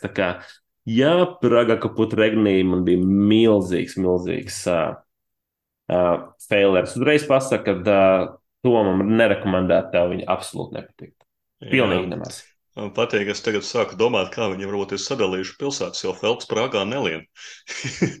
Feldam ir, Felks ir apstaigājis pusi Eiropu, man liekas, un tagad ar jauno Queen Games sēriju arī pusi pasauli pārtēmojot visas yeah. spēles uz bezjēdzīgām uh, pilsētu spēlēm, bet Prāgā Felks nelien. Jautājums varētu būt galvenais tas, vai, vai šī spēle nav atsitusi tev vēlmi doties vispār uz Prāgu. Uh, nē, es Prāgā esmu bijis. Vienreiz mēs stopiem braucām, arī tīk forši. Bet, o, es arī esmu bijis. Man viņa ir... tur bija forši. tur nebija tik garlaicīgi, kā tu stāsti. man ir atsitusi hype par sushi spēlēm, principā. Man negribās Woodcraft mēģināt. Arī Woodcraft. Man, man, man, man, man Messina vairāk interesē. Man Mēsina likās no visiem apskatiem baigi garlaicīga. Nezinu, kaut kas man tur nepatika. Man Mēsina likās tāda pārāk old school ar visiem tiem. Nu, man tas lauciņiem. mērs patīk, ja viņi tur liek to skāts nost un viss notiekās, tad ir interesanti. Mm. Bet, uh, nu, baigi, baigi mehānismi. Es teiktu, tas tāds um, uh, Felda sākotnējie dizaini ar nenormāli daudz punktiem, ar kā, kā forši strādā kaut kāda elementa, bet bez kaut kādas dvēseles vai kādiem incidentiem, incidentiem, incidentiem brīžiem. Tā kā, mm. nu, es noteikti nerekomendētu. Es teiktu, ka, gribiet sushi, uzspēriet, uzspēriet pulsāru vai sāciet ar lēstu vielu vai pašu sitīs androtu. Jā, nu, tīri, lai celtu erudīciju visiem klausītājiem un vāktu punktiņus sev, upe nebija jāzina. Tā upe saucas Vlutava. un viņa tek okay. tikai Čehijas teritorijā. Tā kā viss kārtībā, pietiek ar kārļa tiltu. Bet erudīcija ir demonstrēta īpaši ar interneta palīdzību. Bet ne visur mēs drīkstēsim izmantot internetu. Šajā sezonā mums sākas jauns, bezgalīgais duelis, kurā gan Kristofam, pagājušās sezonas uzvarētājiem, gan man, kurš ir uzvarējis divreiz vairāk kā Kristofs sezonas, ir jāpierāda atkal savas erudīcijas galda spēļu ziņā. Sākam jaunu sezonu no 0-0, uzdosim viens otram visādus jautājumus katru otro mēnesi, krāsim punktus, kas patiesībā, protams, ir negatīvi, jo, ja tu dabū punktiņu, tad patiesībā tu esi kaut ko pateicis nepareizi vai nepateicis pareizi. Šodien pavisam elementārs uzdevums. Iesildīsimies, pirmo mēnesi iesildīsimies, piedāvāsim katrs otram piecas spēles, un būs jānosauc Board Game Geek lietotāju balsojumā noteiktais labākais spēlētāju skaits. Nevis rekomendētais, nevis kaut kāds, bet viens individuāls labākais spēlētāju skaits. Atbilde pareiza, viss fine. Atbildīta nepareiza, divi punkti kabatā un, un, un ej tālāk jau ar mīnusiem. Eh, es, es esmu gatavs. Uh, nu, dod, dod man kaut ko. Es esmu gatavs. Es sadalīju tās spēles. Nu, kā liel, no mazākā uz lielāko tas spēlē. No, davai, man to mazuli. oh. Pirmais ir uh, Arkham Horror The Card Game. Potenciālais spēlētājs skaits ir 1 līdz 2, un, ja nopērk vēl vienu setu, ir 1 līdz 4. Aha, baigi interesanti. Zini, zinot, Boardgaming, ka balsotājs es teikšu, ka viens solo Izcili un jau pirmajā reizē ar uzmetienu. Es cerēju, ka tu deducēsi, kas viņa ielika tāpēc, lai būtu viens, patiesībā tie ir divi. Dabūju divi punkti arī tev. Nepanē, tas gan bija slikti. Tiešām divi spēlētāji ir optimums. Jā, Tiešām divi, saka. tiešām nu, divi. labi, nu, labi. E, Tev mēs tādu lielu grandu uzreiz. Es tev piedāvāju azūlu. Azūlu var spēlēt no 2 līdz 4, bet kāds ir labākais spēlētāju skaits azulam? Es jārāšties. Es saku, divi. Ir divi, malacis. Kā tev pašam vislabāk patīk? Tev- Vairāk nekā vairāk. Bet cilvēki domā, ka tik nenormāli azulā var kaut kādas stratēģijas, un divi tā spēlē. Tas ir pilnīgs bullshit. Azuls, azuls vienkārši tu izspēlē ar draugiem, potenciāli kādam iegāzes daudz čips. Nu, Ok. jā, jā, jā, labi. Tu esi Five izrāvies. tribes, five tribes var spēlēt divi līdz četri, bet nevar spēlēt pieci. Jā, tas ir viņa kļūda. Piecas ciltis ir, bet spēlēt pieci nevar. Five Jā, jā, jā. tribes, uh, es teikšu četri, bet man ir bail, ka varētu būt trīs, bet es saku četri. Un te, man liekas, ir lielākais fails, jo labākais ir uh, divi tā. Nepiekrītu. bet, Es bet arī nepiekrītu. tiešām divi tā viņi saka. Es, es, Borgengiks es, es, ka pat, divatā. es pat atvēru vēlreiz, es pat atvēru tikko vēlreiz. bija, bija pašam bažas, bet Bonīgi saka, divi tā. Man nepatīk, man ja kas, kur tev ir absolūti- jāizmanto vairāki, vairāki gājieni, un Five Tribos ir tā mākslīgi, tie, tie tu vari it kā sakombinēt mm. divus gājienus pēc kārtas, kas daudziem var patikt, bet, bet, nu, jā, nu, nezinu, nu, nezinu, nu, pagaidām man iet švaki. Nekas, Nu, tūlīt tieši redzēsim. Tu dabūsi, tu dabūsi Fireball Islandu, The Curse of Vulkār, tātad Restoration Games, mega, mega restaurētā lielā spēle ar vulkānu, kas spļauj uguņus, un mm -hmm. to var spēlēt divi līdz četri. Kāds ir labākais spēlētājs skaits? Es teiktu, lai iet četri, jo tu jau gribi to savu draugu iemest vulkānā. Jā, ir četri, un tev joprojām nav punktu. Tieši Sāk tā, es kļūt. vi- visu sezonu plānoju palikt bez punktiem. nu, redzēsim, redzēsim. Man te vēl Ok. ir pārsteigumi. Ejam tālāk. Ejam. Um, Špildes jārs nominants pagājušā gadā - Kriptids, ko var spēlēt 3 līdz 5. Oh, kriptids. He. Nu, nu, nu, gan tu man iedevi. Es pat nevaru iedomāties tagad par kriptidu. It kā teorētiski, jo vairāk informācijas, jo labāk spēlējas, bet vai daudz, par daudz nav par daudz, es atkal teikšu četri. Un tu beidzot nopelnīji 0 punktus. Fuh, Congratulations! vilka uz pieci, bet tas laikam par daudz. Mm, nu, Nu, tev ilgi jāgaida, tur vienam Nu, jā, nu, jā. un tad tur viss, viss norakts. Ok, tad ir spēle, kuru praktiski visi apskatnieki teiktu, ka labākais spēlētāju skaits ir nulle, jeb no šīs spēles izvairīties. Bet kaut kādā maģiskā veidā es pat nebiju iedomājies, ka šī spēlē ir 746. vietā Borgēngī, kā tas ir baigā augsts. Wow. Tas ir tikai to ride rails and sails. Nu, jeb tas tikai tur raids, kas visiem riebjas. Lielais ar kuģiem un viss. Tikai tur raids rails and sails var spēlēt 2 līdz 5. Kāds ir labākais? Es domāju, ka visos tikai ir labākais ir 4. Es teicu 4. Jā, tev ir nulīte atkal, tev ir pilnīga taisnība, un tu besī vēl vairāk. Tiešām četri. man vislabāk tikai tur patīk rietā, jo tad ir tikai pa vienu tur uh, līniju braukt, un tas iedod Jā, Jā. tas ir riktīgi. saspringtāk. Trietā vai piecatā ir mans mīļākais cipari. Mm.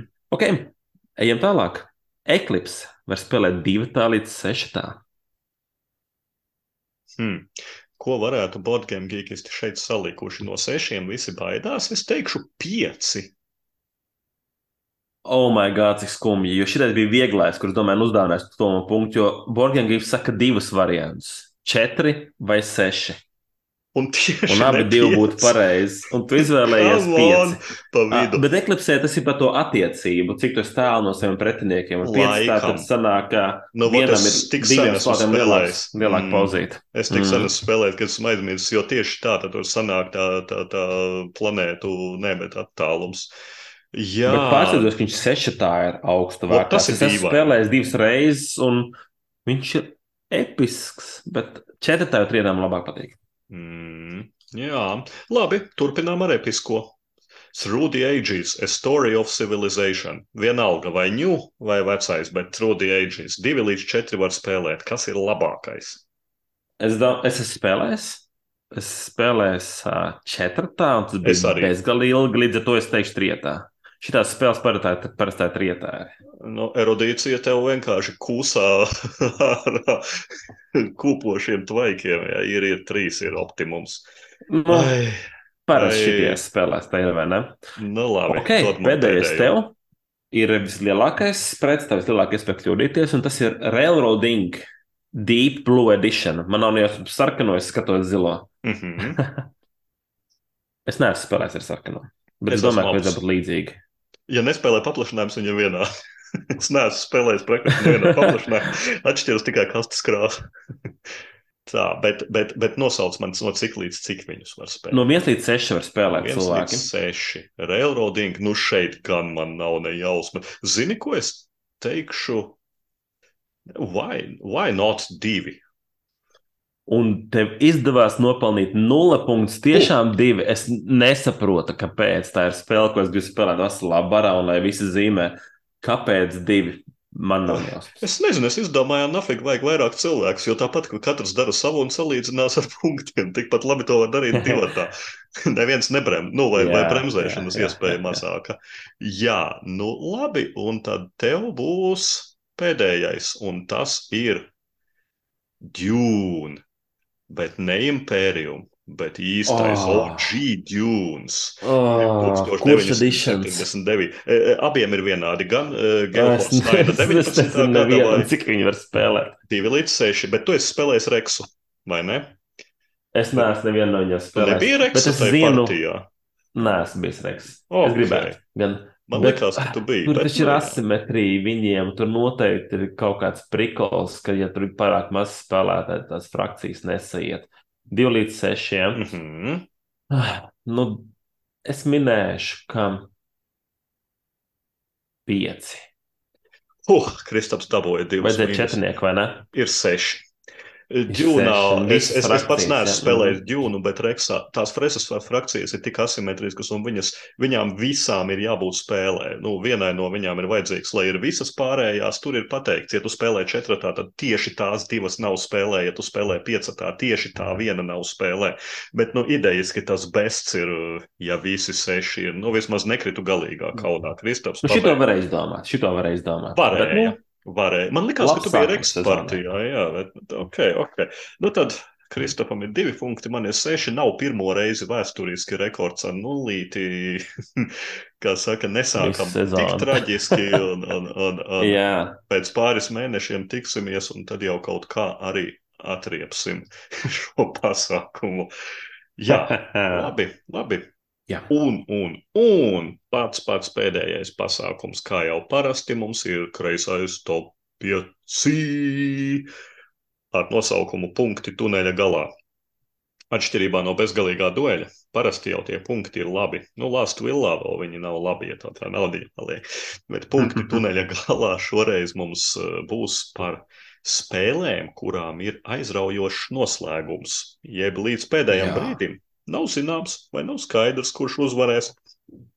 Jo jāatzīst, ka daudzām spēlēm nu, nu, ir, ir, ir tā problēma.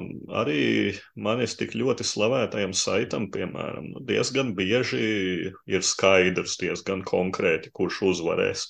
tā kā, mm. uh, bet, bet, bet ir, ir tādas spēles. Kur nav zināms, kurš uzvarēs. Uh, Man ir, man ir joku piks, joku izvēle. Viena no tādām spēlēm noteikti ir Dženga vai ne? Jo vienīgais, ka tur laikam nav uzvarētāji. Tur ir uh, tikai ne, viens, ir, viens ir uh, nelaimīgais zaudētājs lozeris, par ko visi smeja. Bet es tiešām atceros, man ir bijušas džengas partijas tādas, kur nu, tu izvēlies tā, ka liekas, nu, tūlīt sabruks, un tu noliec tā, lai nākamajam, nu, simts punkti, nu, ja jebko aiztiks sabruks, un tad apiet aplis, un atkal gājiens ir tev, un situācija ir vēl švakāka. Tā kā dženga, dženga tāds, tāds, tāds labs joku piks. Uh, Bet runājot par nejoku pikiem, vai tu kaut ko gribi pieminēt? jā, jā, jā, jā, jā, es varu pieminēt.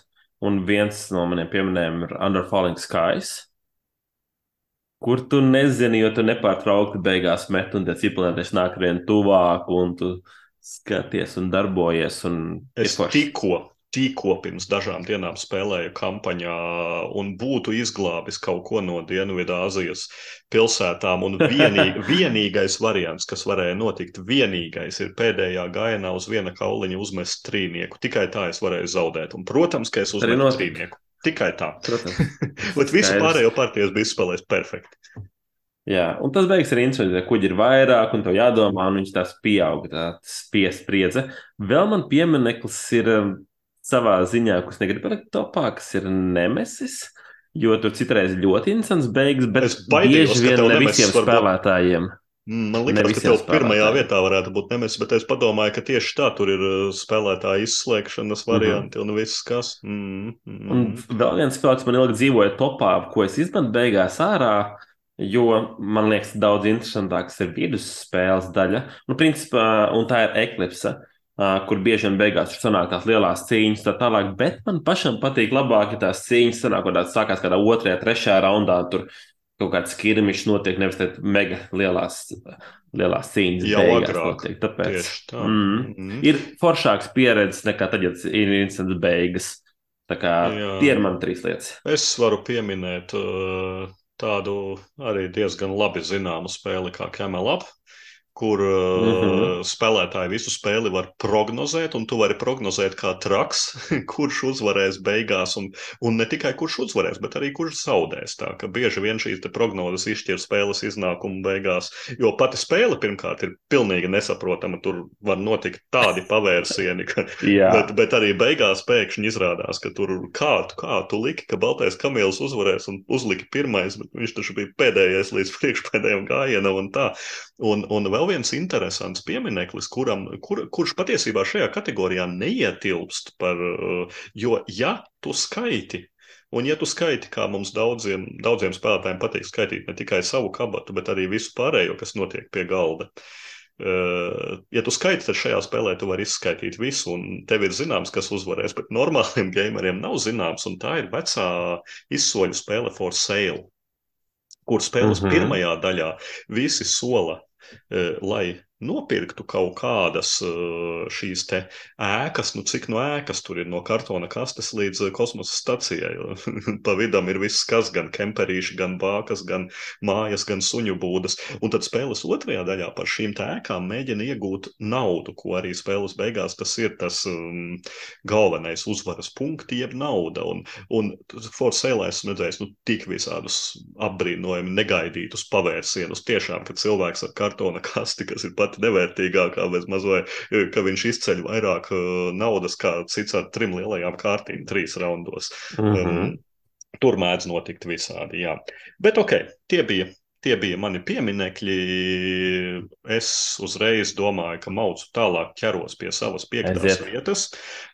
Un, un būtībā patiesībā ir interesanti tādā ziņā, ka ļoti daudzus, piektā vieta simbolizē ļoti daudzos dažāda veida eiro kur tu spēles beigās vari izvilkt blociņu un rakstīt punktus. Ne visi viņi ir uh mhm. -huh. tādi, kur nav jau skaidrs, ka kaut kas notiks, bet uh, tāds ļoti vienkāršs un labs un simbolisks piemērs ir šajā epizodē jau pieminētais Five Tribes. The Gins of Nakala. Mm. Vai arī, ja gribas kaut ko sarežģītāku, Altiplano. Tas ir krietni no cita plauktiņa, bet es palikšu pie Five Tribes, eh, jo tie, tās lietas, par ko tu vari dabūt punktus, jau ir daudz, ir tiešām daudz, gan visādas izliktas pilis un, un, un eh, palmas, gan eh, veidotās kolekcijas no precēm, kuras var būt vairākos līmeņos, un, bet kas ir pats galvenais, kas ir interesanti Five Tribeam, ka ir šī te dzīvā nauda kuru tu spēles laikā vari arī tērēt. Un man e, vienmēr ir fascinējuši šī spēlē. Tajā pašā Smallvaldā no Days of Wonderiem patīk to darīt, ka, ka tu tērē savus dzīvos punktus naudu spēles laikā, un tev ir tiešām jāizvērtē, cik ir vērts to darīt. Man ar to parasti iet vāji, bet rezultātā reti, kad ir zināms uh, spēles beigās, nu, ka kāds tiešām uzvarēs. Jo viens tur pēkšņi būs savācis kaudzēm visādus džinus, kuri viņam iedos spēles beigu kaut kādus spējas vai punktus. Uh, cits būs savācis uh, vezīrus vai, vai, vai, vai vecūkšņus, un vēl kādam tur būs zivis un, un, un rubīni kaudzēm. Tā kā Five Tribes, The Gins of Nakala noteikti ir tas, kur līdz pat pēdējiem brīdim nu, nav īsti skaidrs, kurš būs tas uzvarētājs. Mm, manuprāt, labi izvēle.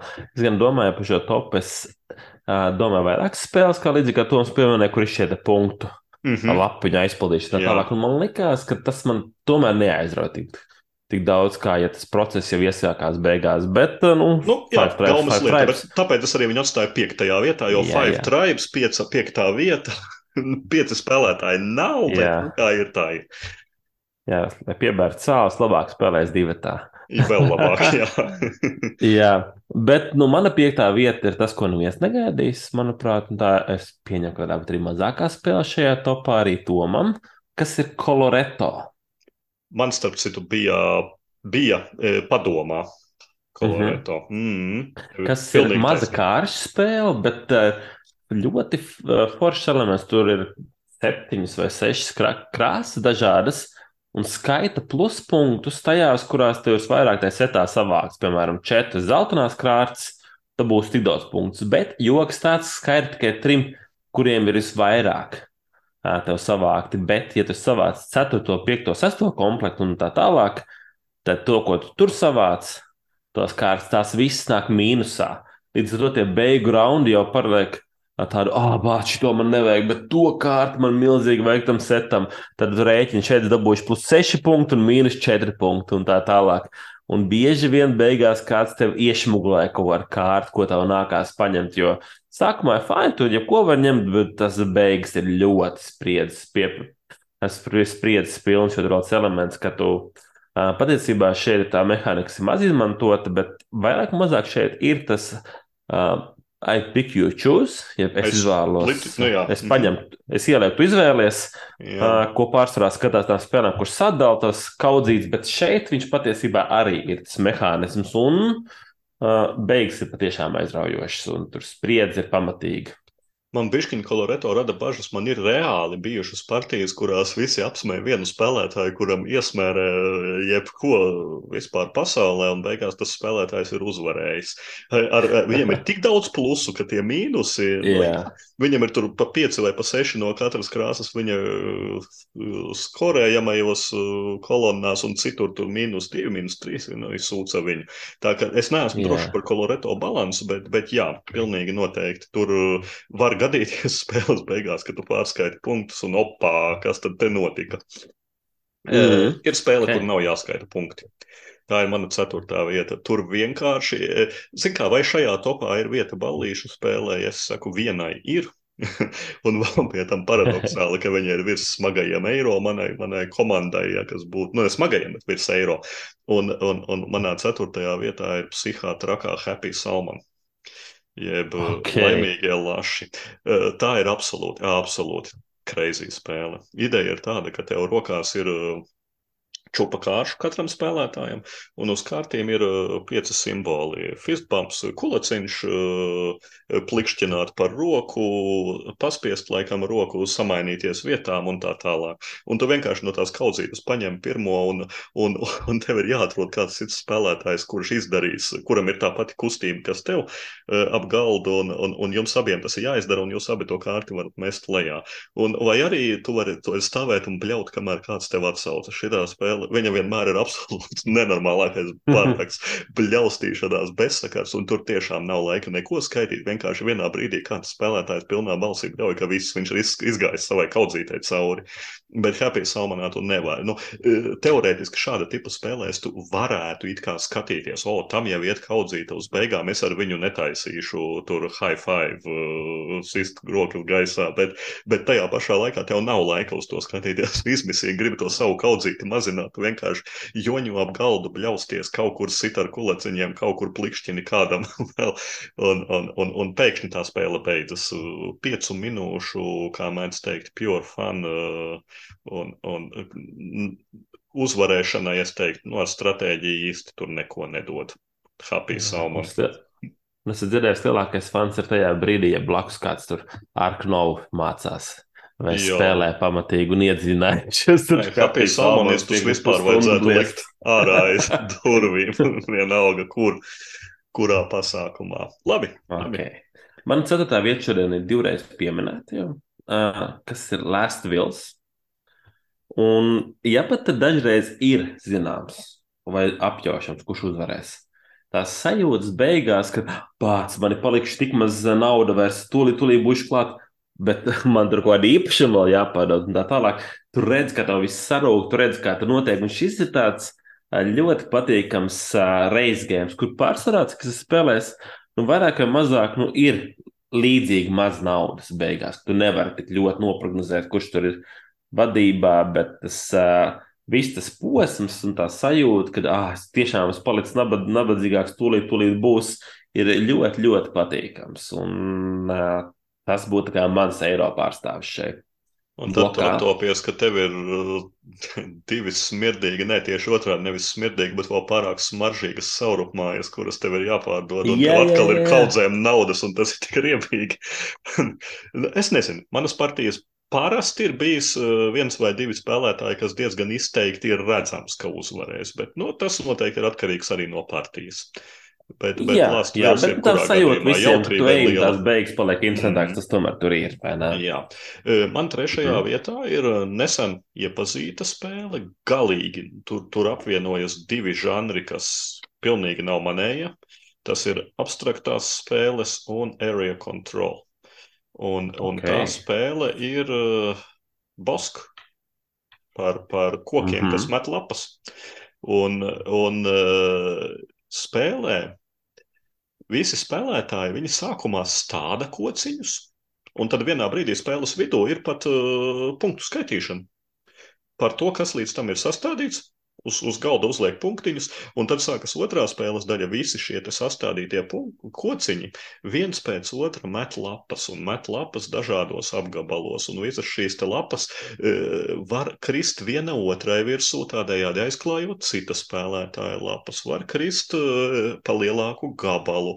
Un, un, un es teiktu, nu, es nevaru apgalvot par atkārtojamību un par daudzkārt spēlējamību, vai tiešām tā ir katru reizi, bet tajā partijā, ko es esmu spēlējis, nu, nu nebija ne mazākās nojausmas, kurš beigās uzvarēs, jo tas juceklis, tas ir tieši tā kā, kad tu bradā pa mežu, pa rudenī, pa nokritušajām lapām, un tu vari iebrist kaut kādā kaudzē līdz ceļam un ceļie, celim, un tad tev ir jāuzmin, cik tajā kaudzē ir lapu apmēram. Tu saki, nezinu, mm -hmm. 500 un iebrien kāds un saka 2500, kuram būs taisnības suns viņu zina. Un tāpat es jutos arī Boskā ar visām tām sakritušajām lapām, un ka punktu skaitīšana bija tiešām aizraujošs brīdis, kad tu skaties, jā, nu tiešām rekur tajā tajā apgabalā laikam es būšu pirmais, bet tajā nē, un, un tajā vēl, ja tur tas spēlētājs izdarīs to un to, tad tas pazaudēs pirmo vietu, bet viņš iegūs pirmo vietu, tad man vajag to spēlētāju bremzēt. Nu, negaidīt aizraujošs pasākums, kurā tieši šī pēdējā gājiena ir super svarīga skatoties un domājot, kam tu riepsi, kam tu atņemsi punktu un, un, un vai labāk paņemt sev, tas ir bosk. Jā, ļoti labi izvēle. Tur tas uh, tas endgame sākas tajā otrajā fāzē. Ļoti, Jā. ļoti aktīvi. Tu domā, kuram tev vajag ieriept, un tu nevari ieriept pārāk daudz vienam, jo tā kā cits drausies. Tas balans mm. ir ļoti jauks. Uh, jā, noteikti. Lieliski izvēle. Uh, man trešā vieta ir Inis vai Inišs. Sakiet, kā gribiet. Un tur ir dūls, dūls spēles beigu kondīcijas. Jo tur ir super vienkārši. Ja tu izpild kādu no kritērijiem, tu paņem tādu kartona žetonu un saki, es varu uzvarēt. Bet līdz ko kāds ir savācis arī tādu žetonu, neviens no jums nevar uzvarēt. Un jāsavāc kādam divi, un te ir tas, ka līdz ko kādam izpildās te uzvaras kondīcijas, visu uzreiz savos, savostās un skatās, ok, mēs tev varam atņemt šo reģionu un tā tālāk un darboties, un tu nepārtraukti skaties, un jo vairāk tu spēlē, tu domā, ka, bah, labi, es draftēšu šīs kārtas, jo tad man nevarēs atņemt to manu kondīciju. Un tajā pašā laikā kāds cits viltnieks jau iz, izvelk divus. Jo tu uzvari uh, līdz ko to raundu beigās ir vairāk uz, izpildīt uzvaras kondīcijas nekā kādam citam spēlētājam. Un tad ir vēl tāds elements, kad ir viena žetons, kā uzvar visus tājus, uh, ja neizšķirtos. Un senās spēlēs, bet tā pieredze, kas man bija, bija tieši par šo te, uh, spēlētāju miedarbību, bija ļoti labi, ļoti neprognozējama un uh, tāda ļoti atklāta sajūta, kas tur notiek. Uh, un kas tur var būt. Tā kā Inišs numur trīs. Jā, es ilgi sēdēju, starp citu, un domāju par Inisu un savu topu, jo man arī prasījās viņu šeit likt. Mm -hmm. Un es domāju, vai viņš nav super pretējs tam, ko mēs šeit darām. Jo kurā vēl spēlē, nē, nu, nu, es to pasaku katrā spēlē, protams, par to nav jautājums, bieži vien jau pirms spēles, bet kurā vēl spēlē uh, spēlētājs pasaka, es nākamā gainā uzvarēšu. Un tas ir, mēs, mēs runājam par topu, kur nav skaidrs, kurš uzvarēs, bet Inisā teorētiski gājienu pirms beigām jau ir skaidrs, kurš uzvarēs. Bet, bet pēc būtības, jā, tev ir pilnīga taisnība. Jo, ja kāds ir pateicis, ka viņš uzvarēs, tad visi viņu presēs, masēs un neļaus viņam uzvarēt. Mm -hmm. Inês Kemets arī līdzīgi, kur vajag Jā. tas reizes līdz astoņi, un, un tad visi sāks slānīt to, kuram ir astoņi, un viņš atkrīt nost. Tā ka viņi ir tādi riktīgi slideni. Ja es piekrītu, ka šim topam viņi ir iederīgi, bet man likās dīvaini likt Inês iekšā, ka kāds pasaka, es uzvarēšu. Sadā, ka tad ir ļoti skaidrs, kurš uzvarēs kādu brīdi. Oi, tas pilnīgi nemaz nav skaidrs. Jā, vēl par spēlēm. Kur nemaz Aiziet. nav skaidrs. Eh, man otrajā vietā ir eh, Sons of Anarchy, Man of Mayhem. Mm -hmm.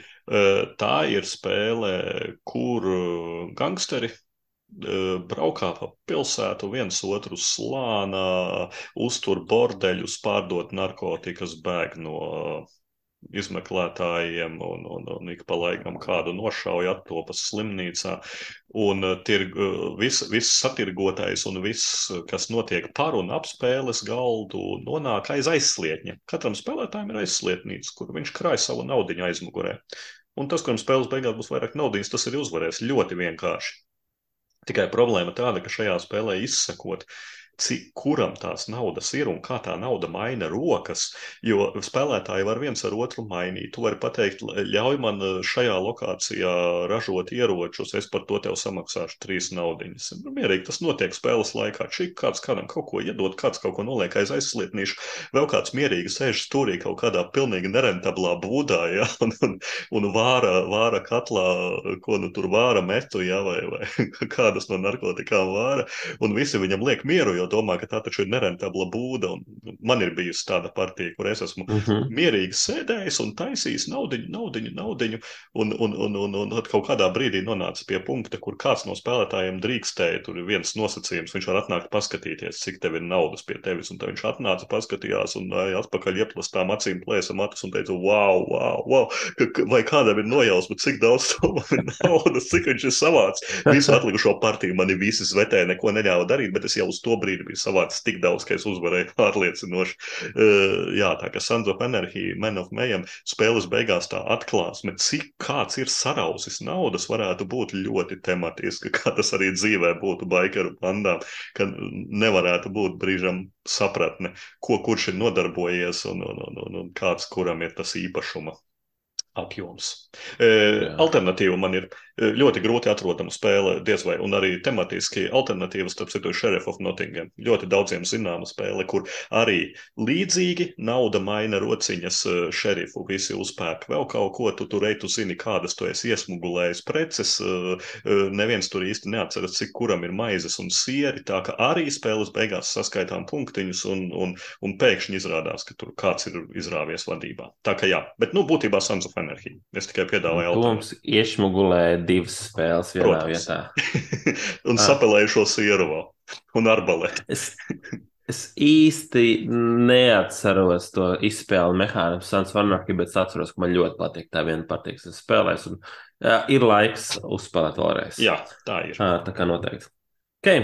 Man otrā vieta ir tas, ko es spēlēju, un Toms spēlēs. Mēs esam kopā spēlējuši Jones Imperiums kur ir klasika līdz desmit punktiem, kas savāc uzvaru, un tas kaut kāda mistiska tiebreaker, bet es to neesmu piedzīvojis, tāpēc man nav ne jausmas.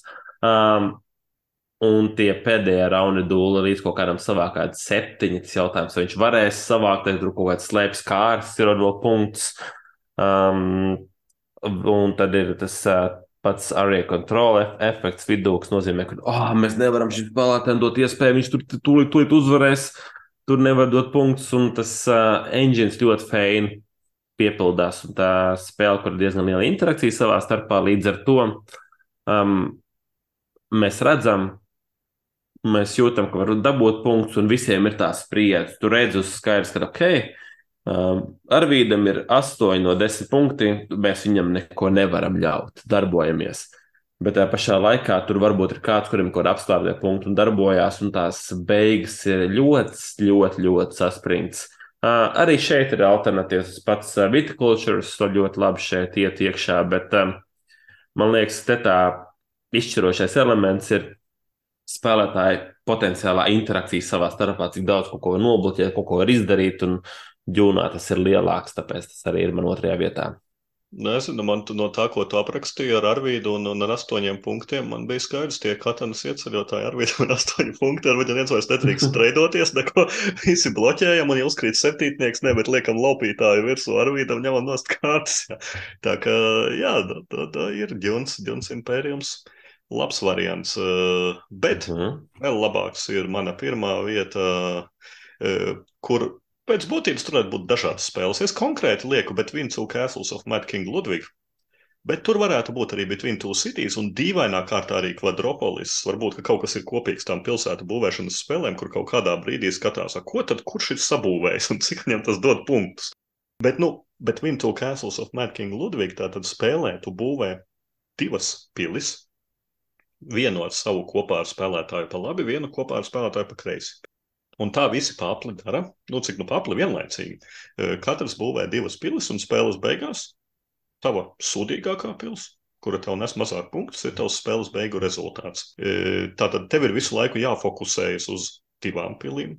Tiek doti tālāk, tātad tādā drafta veidā tiek doti tālāk um, lauciņi, ko var pielikt pilīs. Tā tad ir kaut kāda sadarbība. Tu vari mēģināt nodot lauciņus, kurus liks eh, tavs partneris tavā pilī, bet izrādīties var, ka partneris ir žurka un viņš tavu lielisko lauciņu ieliek savā otrā pilī, otrā pusē, jo viņam arī tur tādu vajag. Um, trešdaļa no manis spēlētajām partijām, bet Vitu un Castles of Mad King Ludwig ir beigusies ar tiebreakeri.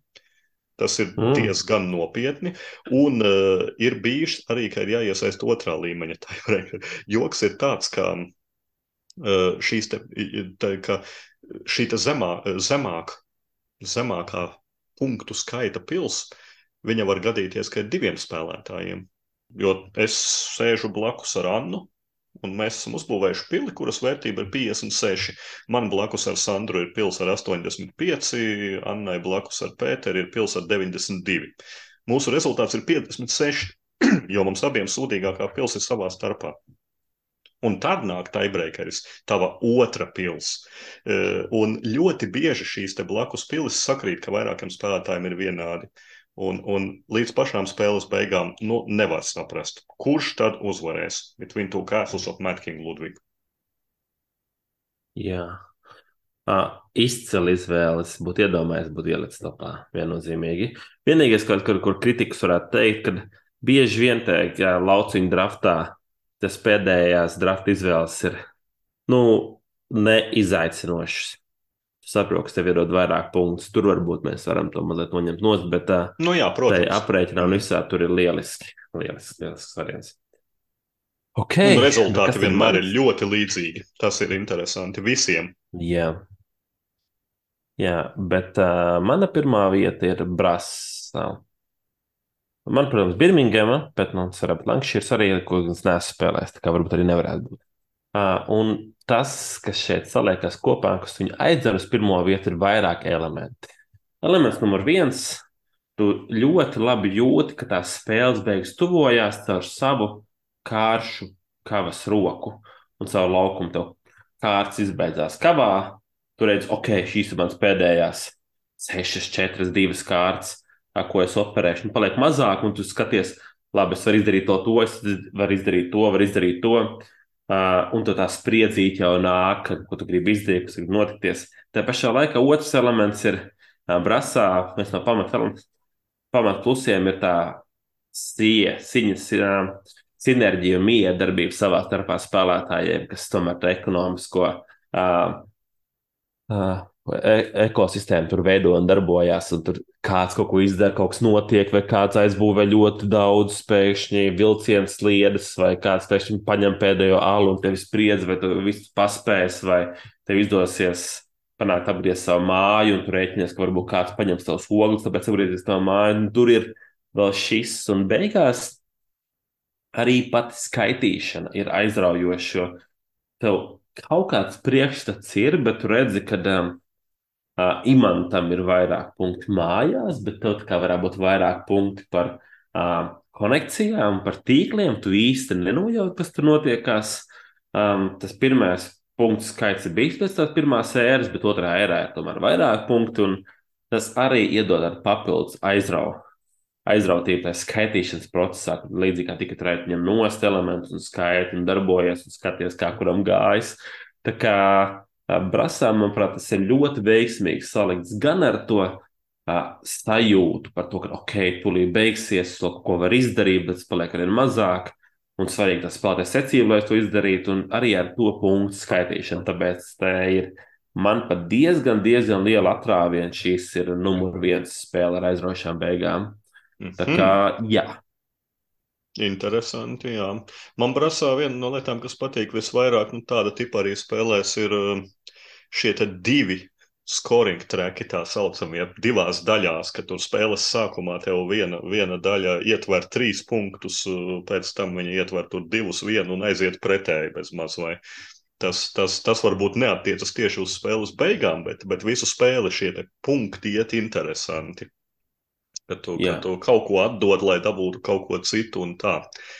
Jā, nu tie bija, tie bija punkti tuneļa galā. Kas nu kuram tur tuneļa galā rādās? eh, Galvenais, lai tie ir daudz, daudz punkti visiem un lai jums klausītāji un arī tev, Kristap, izņemot bezgalīgo dueli, lai tev vienmēr daudz punktu un lai pārsteigumi ir tikai patīkami spēles beigās, vai ne? tieši tā. Un galvenais ir nevinēt kopos. Citādāk ir sabojāta visa spēle. Tā kā, lai izdodas. Jā, un nespēlēt horrifaidu. Kristaps vēl var ieteikt vienmēr. Jā, jā, jā. jā. Nav jēgas. Arī amerikāņu monstrus labāk skatīties filmas un video. Jā, Mhm. labi. Tas bija mūsu februāra piegājiens lietām, un tad jau tiekamies pēc mēneša. Ā, tā. Tā tā.